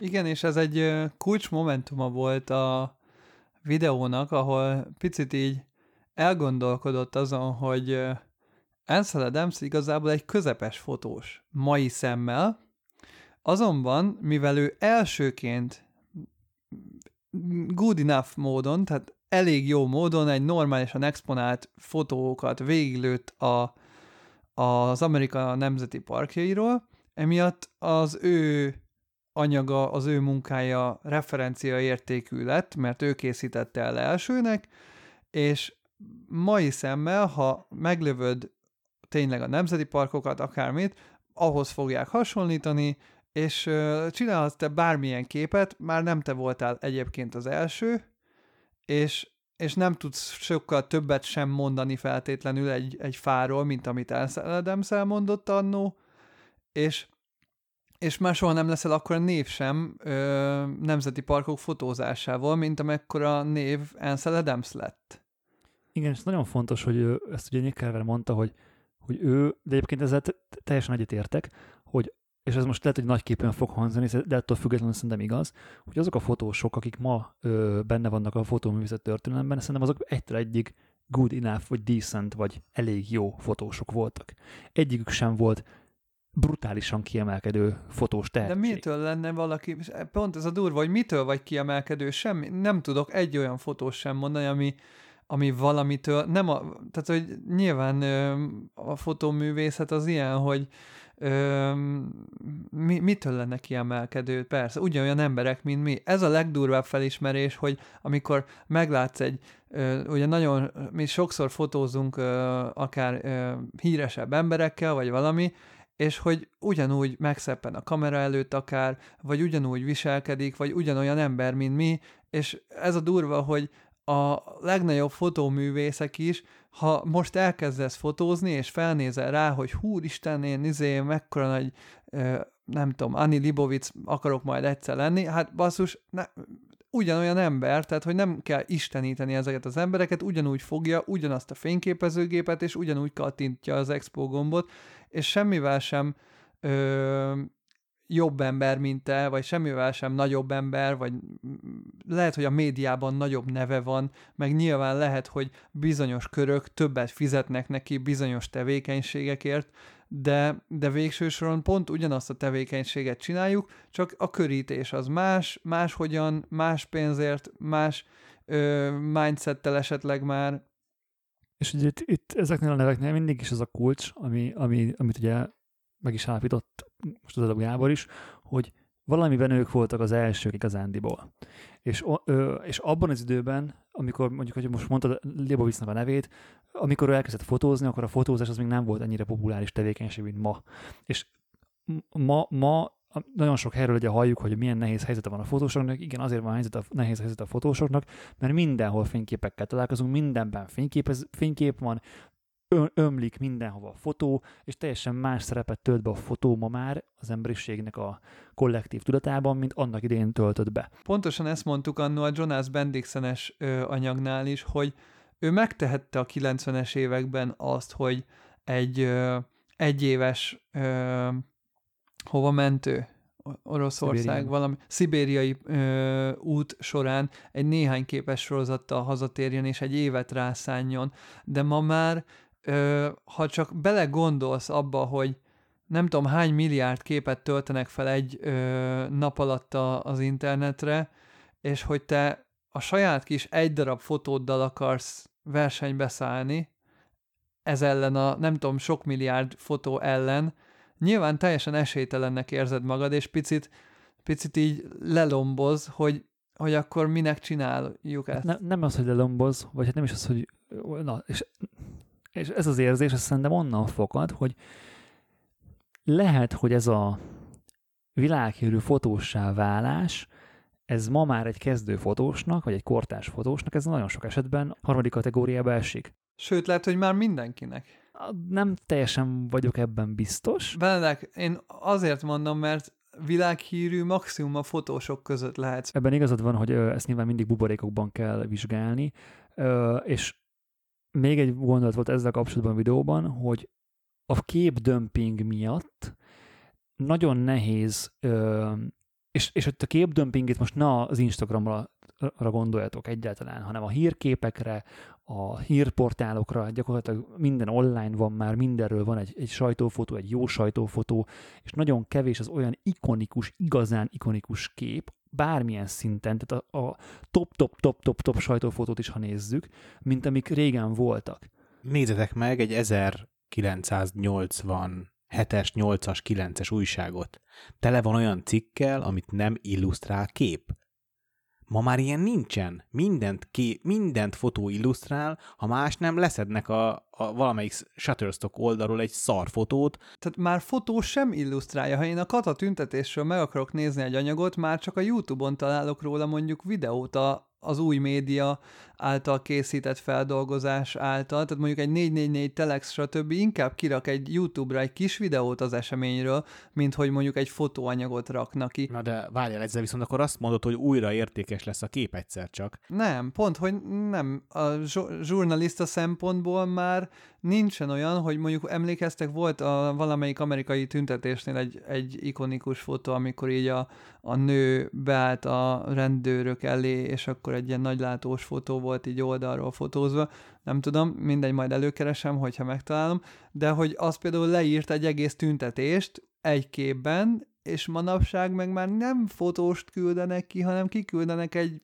videóriportert, aki egy 5 perces videót megcsinál vlogos ö, feelingben igazából, vagy ilyen vlogos nyelven, és akkor ezt a fajta új médiafogyasztást ö, inspirálja ez, és nyilván új média készítést is, és akkor inkább kimennek és megcsinálják a TikTok live-ot, mint hogy fotózzanak. Ezt a, ezt a témát is inkább ö, saját projektek mentén dolgozzuk föl, vagy... Próbáljunk még úgy tenni, mintha létezne a fotózás. vagy húzzunk egy vonalat a között, hogy te, mint alkalmazott fotós, sikeres és elismert vagy-e a szakmádon belül, vagy mint bármilyen fotós, lehetsz alkalmazott fotós, fotóművész, akármilyen fotós, ismert vagy világszinten, akár a fotósok között.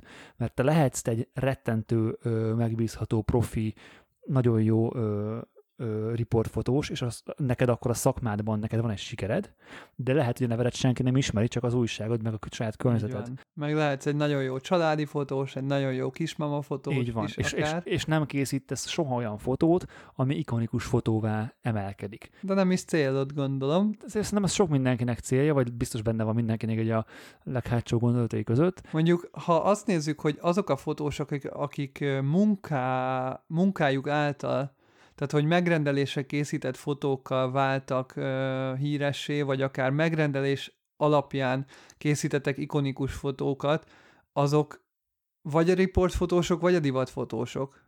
Ez a Nyilván, kettő. Persze, mert azok ugye nem csak a lakosságnak szólnak. Igen, hanem... mert az egyik ugye a hírességek által maradt fent, ugye, nem a saját neve által, hanem azáltal, hogy egy XY hírességnek a fotója utólag felértékelődik, a másik pedig egy-egy eseménynek a visszaemlékezése kapcsán. Azt hozta egyébként ki a végén a Nick Carver ebből az egészből, amivel egyébként nagyon, én tökre tudok azonosulni, és igazániból én ezt így most így elraktam magamnak, és így meg tudok ebbe így nyugodni talán, vagy ezt emellett fogom a további fotózásomat menedzselni, vagy nem is az, hogy menedzselni, nem értékelni, meg, meg, meg, meg átgondolni, hogy ha neked, tehát a mai világban a konzisztencia és a a saját hang az, ami értékes tud lenni.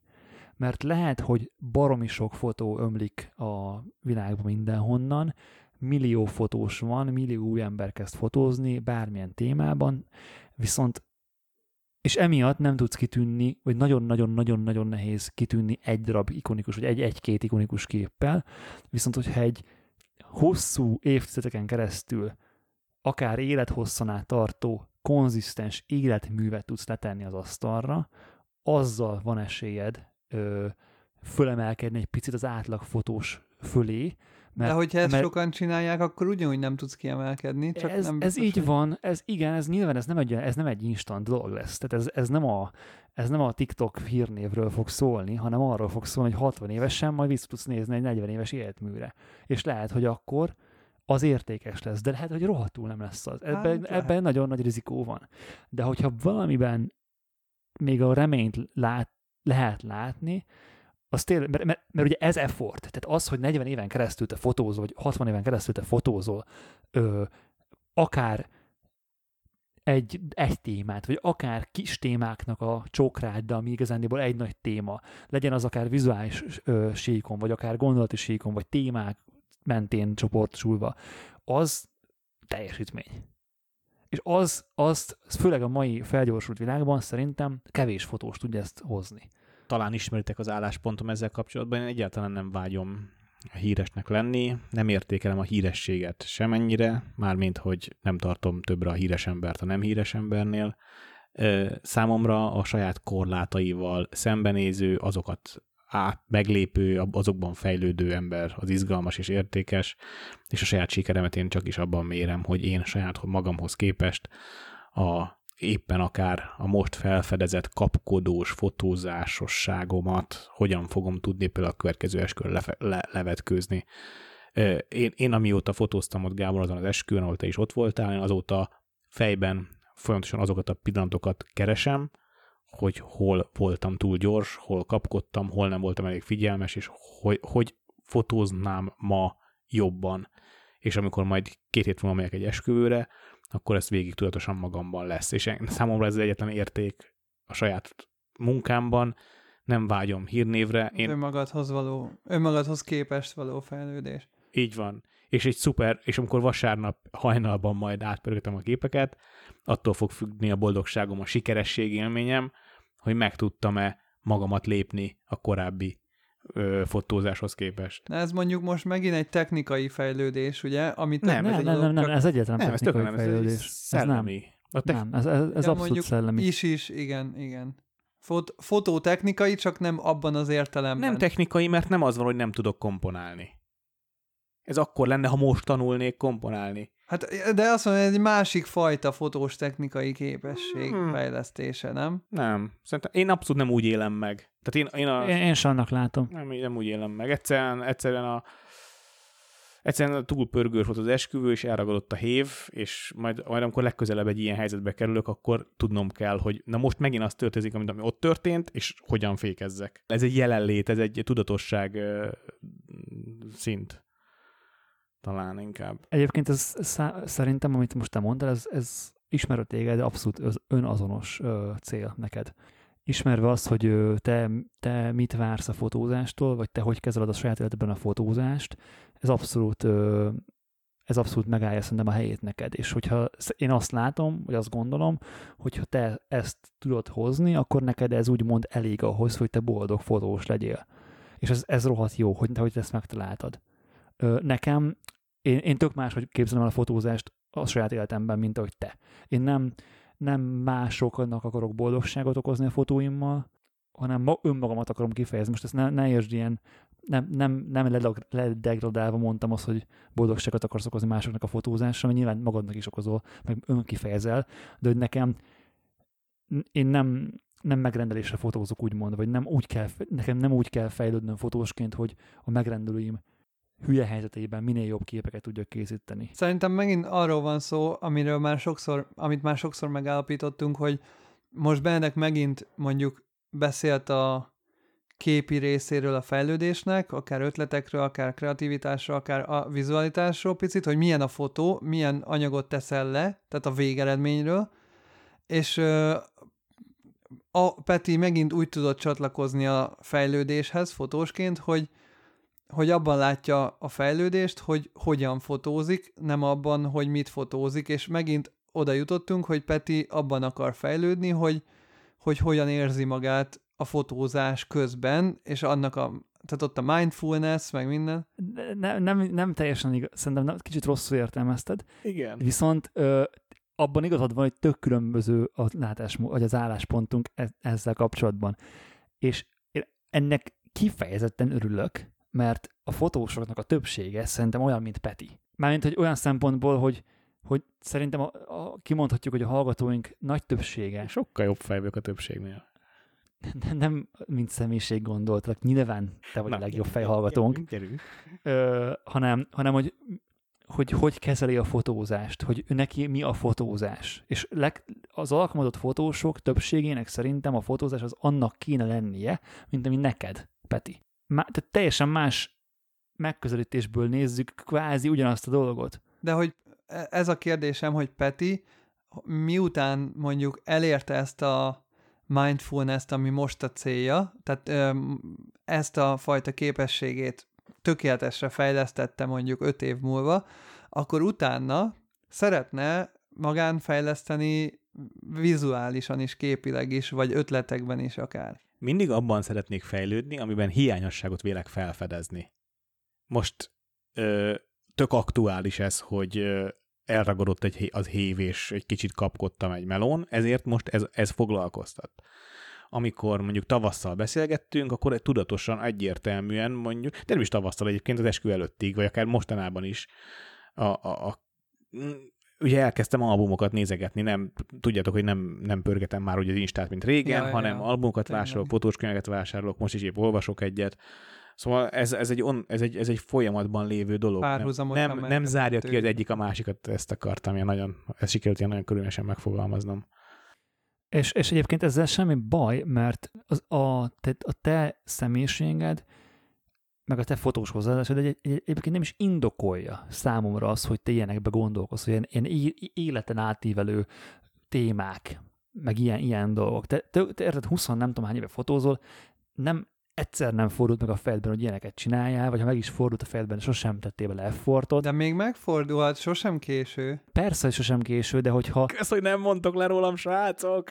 Nem, az nem, nem, Peti, ez nem egy előny, vagy nem egy lemondás. Tudom. Ha szeretnéd, csak akkor nyilván. de mivel önmagában nem fogalmazódik meg ez, az indo, ez, az, ez a vágy, vagy ez a, ez a kívánalom, ezért nem kell, minek te, tegyen bele effortot, hogyha, hogyha nem belülről jön ez az érzés, hogy te ilyenbe szeretnél fejlődni, akkor minek fejlődjél benned? Van millió más dolog, amiben tudsz fejlődni, és én ezt szeretem nagyon Petibe, hogy nem akar az lenni, aki nem, ő, önmaga. És nem, te nem akarod magadra öltetni a, a nem tudom milyen életmű elkészítő fotóst, mert te nem az vagy. Te érted, neked még nem láttam a saját anyagodat jó formán, amióta ismerlek, pedig tudom, hogy fotózol. Most de neked, posztoltam a Tripodcast community-be. Kettő. jó, nyilván túlzok, de hogy érted, tehát, hogy, hogy tök másba gondolkozol, miközben fotózol, mint amit mondjuk akár én csinálok, vagy akár más fotós. De nyilván olyan, nagyon sok olyan ember van, aki hasonlóan gondolkozok, mint te. Halkan jegyzem meg, amúgy képzeljétek el, hogy könyvborítóra kerül egy portrém.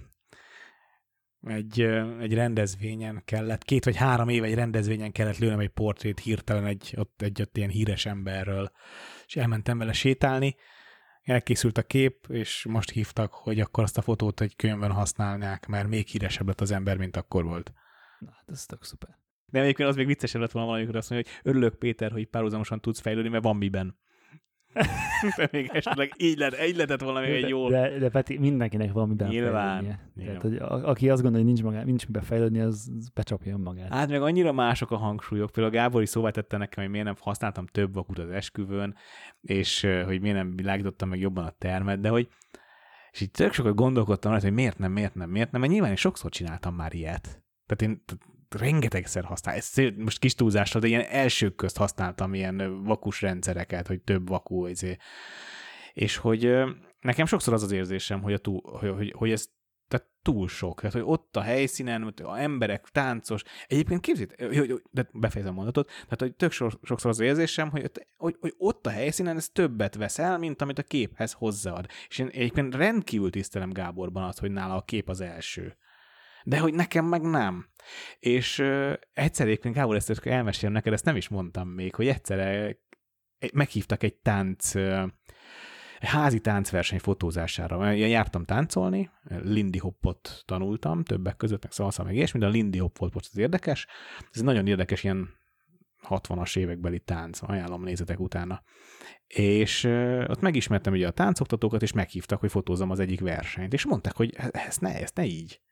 Hát, hogy, hogy nagyon zavarta, a ver- ugye át raktam mögéjük is vakut, hogy legyen ilyen ellenfény, meg, meg a gépen is volt vaku, és a második versenyszám után mondták, hogy ezt azonnal offoljam le, mert ez kurvára zavaró nekik. Azért felraktál még két reflektort, és benyomtál még egy füstgépet, hogy, Érezzék a törődést. Ja, ja. hogy érezzék. Egyébként a két héttel későbbi esküvőn volt füstgép, elképesztően sokat ad hozzá a képekhez. A füstgép nagyon. Egyébként ö, simán, ö, ahogy a DJ-k bepofátlankodnak nagy fényekkel, meg izé, ilyen-olyan ledes fényekkel nem várt módon, eh, lehet az is, hogy tudod viszed a Viszem én a füstgépet. atmoszfér aeroszolodat, és benyomod Ja, ja, a táncra. Hát nem is az atmoszféra, de egy kis füstgépet így lehetne vinni, azok se drágák Ja. már. Eh, Nagyon sokat hozzáad, bár azért a fókusszal vigyázzál, mert nagyon meg Igen, igen, igen, igen. A szivatni. A, ugye ki, lecsökken a kontraszt, és fú, nagyon... Hát nagyon olyankor van az tud lenni. F8 és másfél méter fix.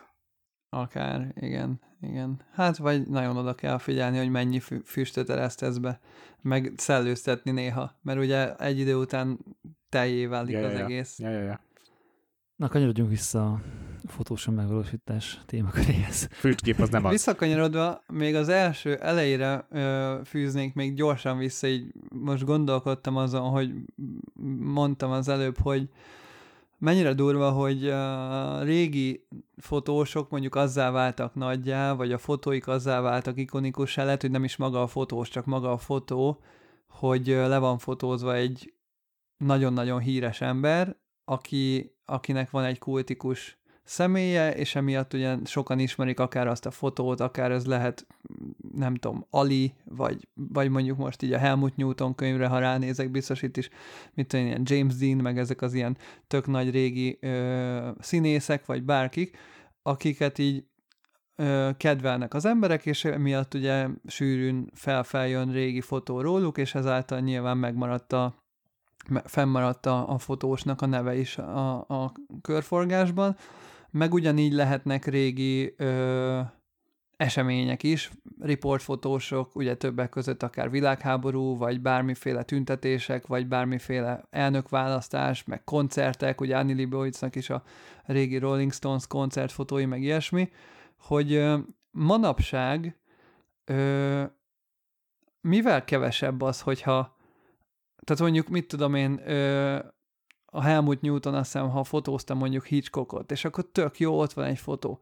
És akkor, ha ma te lefotózod Tarantinót, meg lefotózod Zendayát, meg nem tudom, Zendaya ma került ki az a, egy analóg fotós csoportba egy kép, csak mondom. így van, ő épp Budapesten van, szóval még esélyed is van rá. Azért nem fog megmaradni valószínűleg sajnos, mert nem, te fot, nem csak te fotózod le azt az embert. De ő, a, a, régen sem csak ők fotózták Így, le. ez így van, de régen töredékével kevesebben fotózták azokat az embereket, Ja, aha. sokkal-sokkal kevesebben, és nagyon sokkal kevesebb fotó maradt fönt róluk.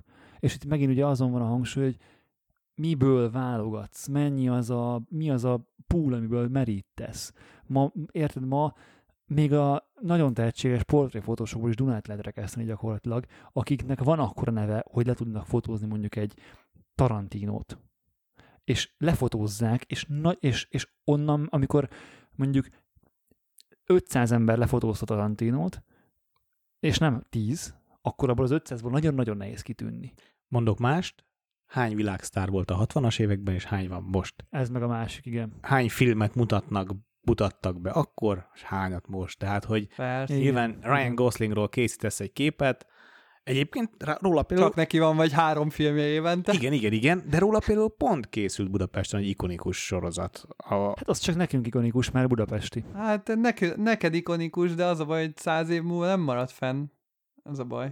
ez száz év múlva derül ki, tehát ezek, ezek pontosan hát ez azok az, a ezt dolgok. mondom, hogy nem tudhatod. Vivian Mayer, pontosan ez az, amit az idő dönt el. Ezt ott, ott akkor a jelenben, a jelenben a jelent értékelni éppen azért nem lehet, mert nem vagy tőle elég távol. Hát ez az. Erről szólt a Woody Allennek az Éjfélkor Párizsban című filmje, ha láttátok.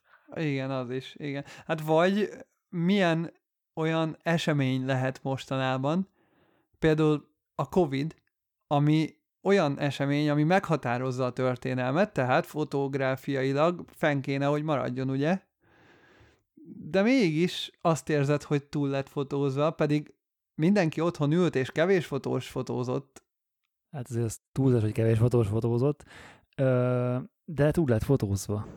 És, és De túl lett, túl lett fotózva a Covid-ben. Azért sok olyan anyagot, mint a Simonnak az anyaga, én nem láttam egyébként. Annyira kész anyag. Jó, de ott tudatosan le volt tiltva kormányzatilag, hogy lehessen fotózni. Azért ez egy De az egész világon ment a vírus, nem csak Igen, de a világon voltak is kórház, kőkemény kórházas anyagok. Magyarországon, ő, Magyarországon volt csak az, hogy két fotós jutott be kórházba, ők is csak egy-egy napra. De láttatok ikonikus Covid fotót? Biztos, hogy amúgy láttam, és az, de azért nem vált ikonikussá, mert itt is képdömping volt. Aha. És, és bele, és érted, most, ha most a Reuters is, meg a leg, legtöbb képügy, képügynökség csinál válogatást az év végén, hogy a, a, az év fotóiból tudjátok. És most ha most vissza kéne idéznem egyet, nem tudnék. És ez azért van, mert millió, millió fotóval találkozom az év során. És már hiába ikonikus valami, nagyon meg kell ahhoz érintenie más szinten, mint a vizuális szinten. Ahhoz, Többször fel kell, hogy jöjjön a hát vagy, vagy az, de nem, nem feltétlen kell, hogy feljön többször, ö, hogy emlékezzek rá. És a szűrőnk brutálisan ö, extrább lett, mint volt régen, 50-60 éve, vagy 40-30-40 éve. És, és szerintem tényleg ezért, ezért, ezért lett igazániból szerintem lehet tehát a harmadik típusú feladattá a, az elismert fotós, mert egyszerűen gyak közel lehetetlen ö, olyan szintre emelkedni, és, és tényleg, ami, amit mondod, nekem- én ezzel tökre, egyet, tökre egyet tudok érteni, amit, amit Nick Carver mondott, hogy ha, ha kvázi ennek áldod fel az életedet, és én most nem magamról beszélek, hanem általánosabban beszélek, mert nem, nem, én nem egyáltalán nem biztos, hogy én fel akarom áldozni az életemet ennek, sőt, ö, akkor tudsz valaki lenni majd egyszer a fotózás során. És nagy valószínűséggel nem az, nem, nem az életed során leszel a híres fotós, vagy, vagy elismert is, és ö, hivatkozott fotós, hanem majd lehet, hogy halál után 50 vagy 20, 30, 40, 50, 100 év múlva. Hát igen. De azok a fotósok, akiknek most életükben van nagy kiállításuk, nagyon elismert múzeumokban, ők már most az életükben elismertek, de ebből nagyon kevés van Ez tényleg. így van, nagyon kevés. És azok általában idősek egyébként, ha megfigyeled. Jó, mondjuk ez, ez hozzátartozik, hogy az életművet nem lehet 20 évesen letenni az asztalhoz. Tehát most megint 30 évesen beszélgetünk arról, hogy életművet, ne rögtessük magunkat tényleg. Tehát, hogy, De mi- ők is, az ő életművük is lehet, hogy attól értékelődött fel, hogy ott a 80 éves papóka, akinek 50 éves képei vannak. A, és azért, mert 50 éven keresztül azt, ő azt hozta. Ha megnézed bármelyik, most ugye olvasok több, több ilyen könyvet, amikről beszélgettünk, minden egyes, és, és ezért nem izgulok, vagy ezért nem aggódok, nem is az, hogy aggódok, vagy ez, emiatt nincs bennem frusztráció. Nagy, a legtöbb ilyen fotós a 30-as éveiben kezdett el fotózni. Igen, ezt én is észrevettem. És hogy, hogy igen. érted, 30 éves vagyok, és 15 éve fotózok. igen, én is. Ja. És már jó, nyilván nem ott, nem azon, nem azon a szinten, de, De már előrébb tartunk, mintha most tegnap pontosan, volna. tehát közelebb Igen. érzem magam a gondolatiságomat hozzájuk, mint hogy nem érezném hozzá, érted? Így És hogy, hogy itt van előtted 60-80 év. A, hát, arra, Most már, most már nincs annyi, de még 90 éves korodig azért csak elélünk már.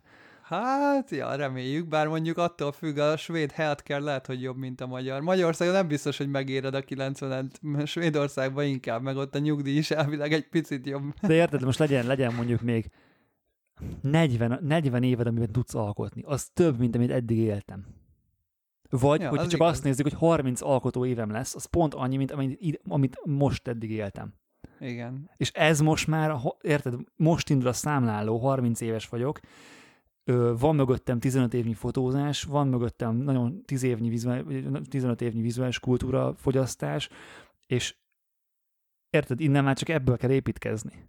Most már csak meg kell valósítani azt, amit, amire kész, úgymond készült. Anyagilag is nagyobb a mozgástered, mint 10 Persze, éve. persze, ny- ny- ny- nyilván minden szinten, minden szempontból, mint ez mindenkire igaz, mindenki magasabb szinten van, mint amikor elkezdte a fotózást. És visszatérve, ez a durva még, hogy a régi fotósokhoz képest, és ezt még csak most látom egyébként kezdődni, és ebben tudunk még esetleg újat alkotni szerintem művészként, és én egyre inkább ebben gondolkodok, hogy, ö, hogy vizuálisan, ugye például néztük a Helmut Newton könyvet, és hogy az éjszakai fotói mennyire le voltak limitálva, mennyire minimális izó lehetőségeik voltak a régi fotósoknak filmre fotózva, ugye régen, és azért nagyon kevés olyan igazi éjszakai utcakép készült, meg nem is voltak még ugye annyira kivilágítva az utcák sem, és a mai világban pedig még mindig nem lehet látni olyan nagyon sok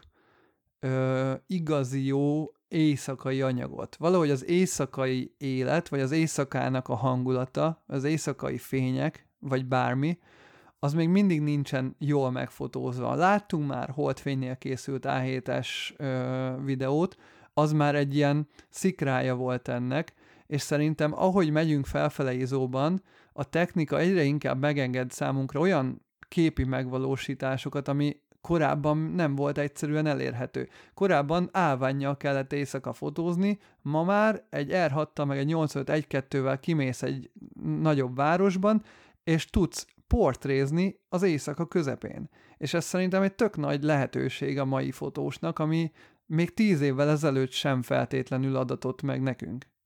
És én ezt például szeretném kihasználni majd.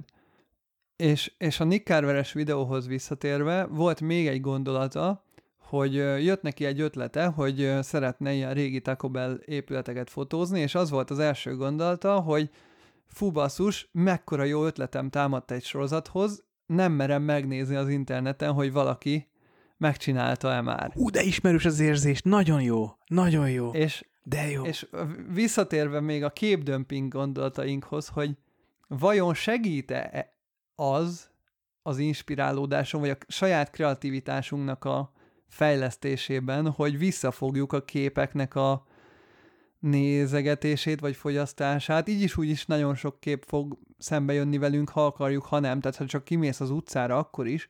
De, de pont emiatt, hogy, hogy lehet, hogy megéri picit megpróbálni, ugye amit Benedek is mondott, ezt a hatalmas nagy töltsért kicsit összeszűkíteni, akár egy hónapra, hogy megnézni, hogy milyen hatással van az ránk, hogyha sokkal-sokkal-sokkal kevesebb fotót nézünk, ezáltal nem valamihez társítani próbálja ugye az agyunk a, a fotó kitalálását, hogy akkor na, akkor most csinálok ilyet, na, akkor most lemásolom ezt, na, akkor most picit ebből is veszek, picit abból is veszek, hanem, hanem egy idő után kitalálna valami originál dolgot, amit utána nem néznél meg, hogy már más megcsinálta-e, és kielégítően megcsinálnád azt, amit az agyat kitalált, úgymond a semmiből, mert nem a semmiből találja ki egyébként se, hanem a korábbi tizenéves tapasztalatodból. Csak lehet, hogy egy ilyen, mit tudom én, mint ahogy a, az étkezésnél is szoktak ilyen tisztító kúrákat, meg nyilván a bőjtöt sem véletlenül találták ki régen,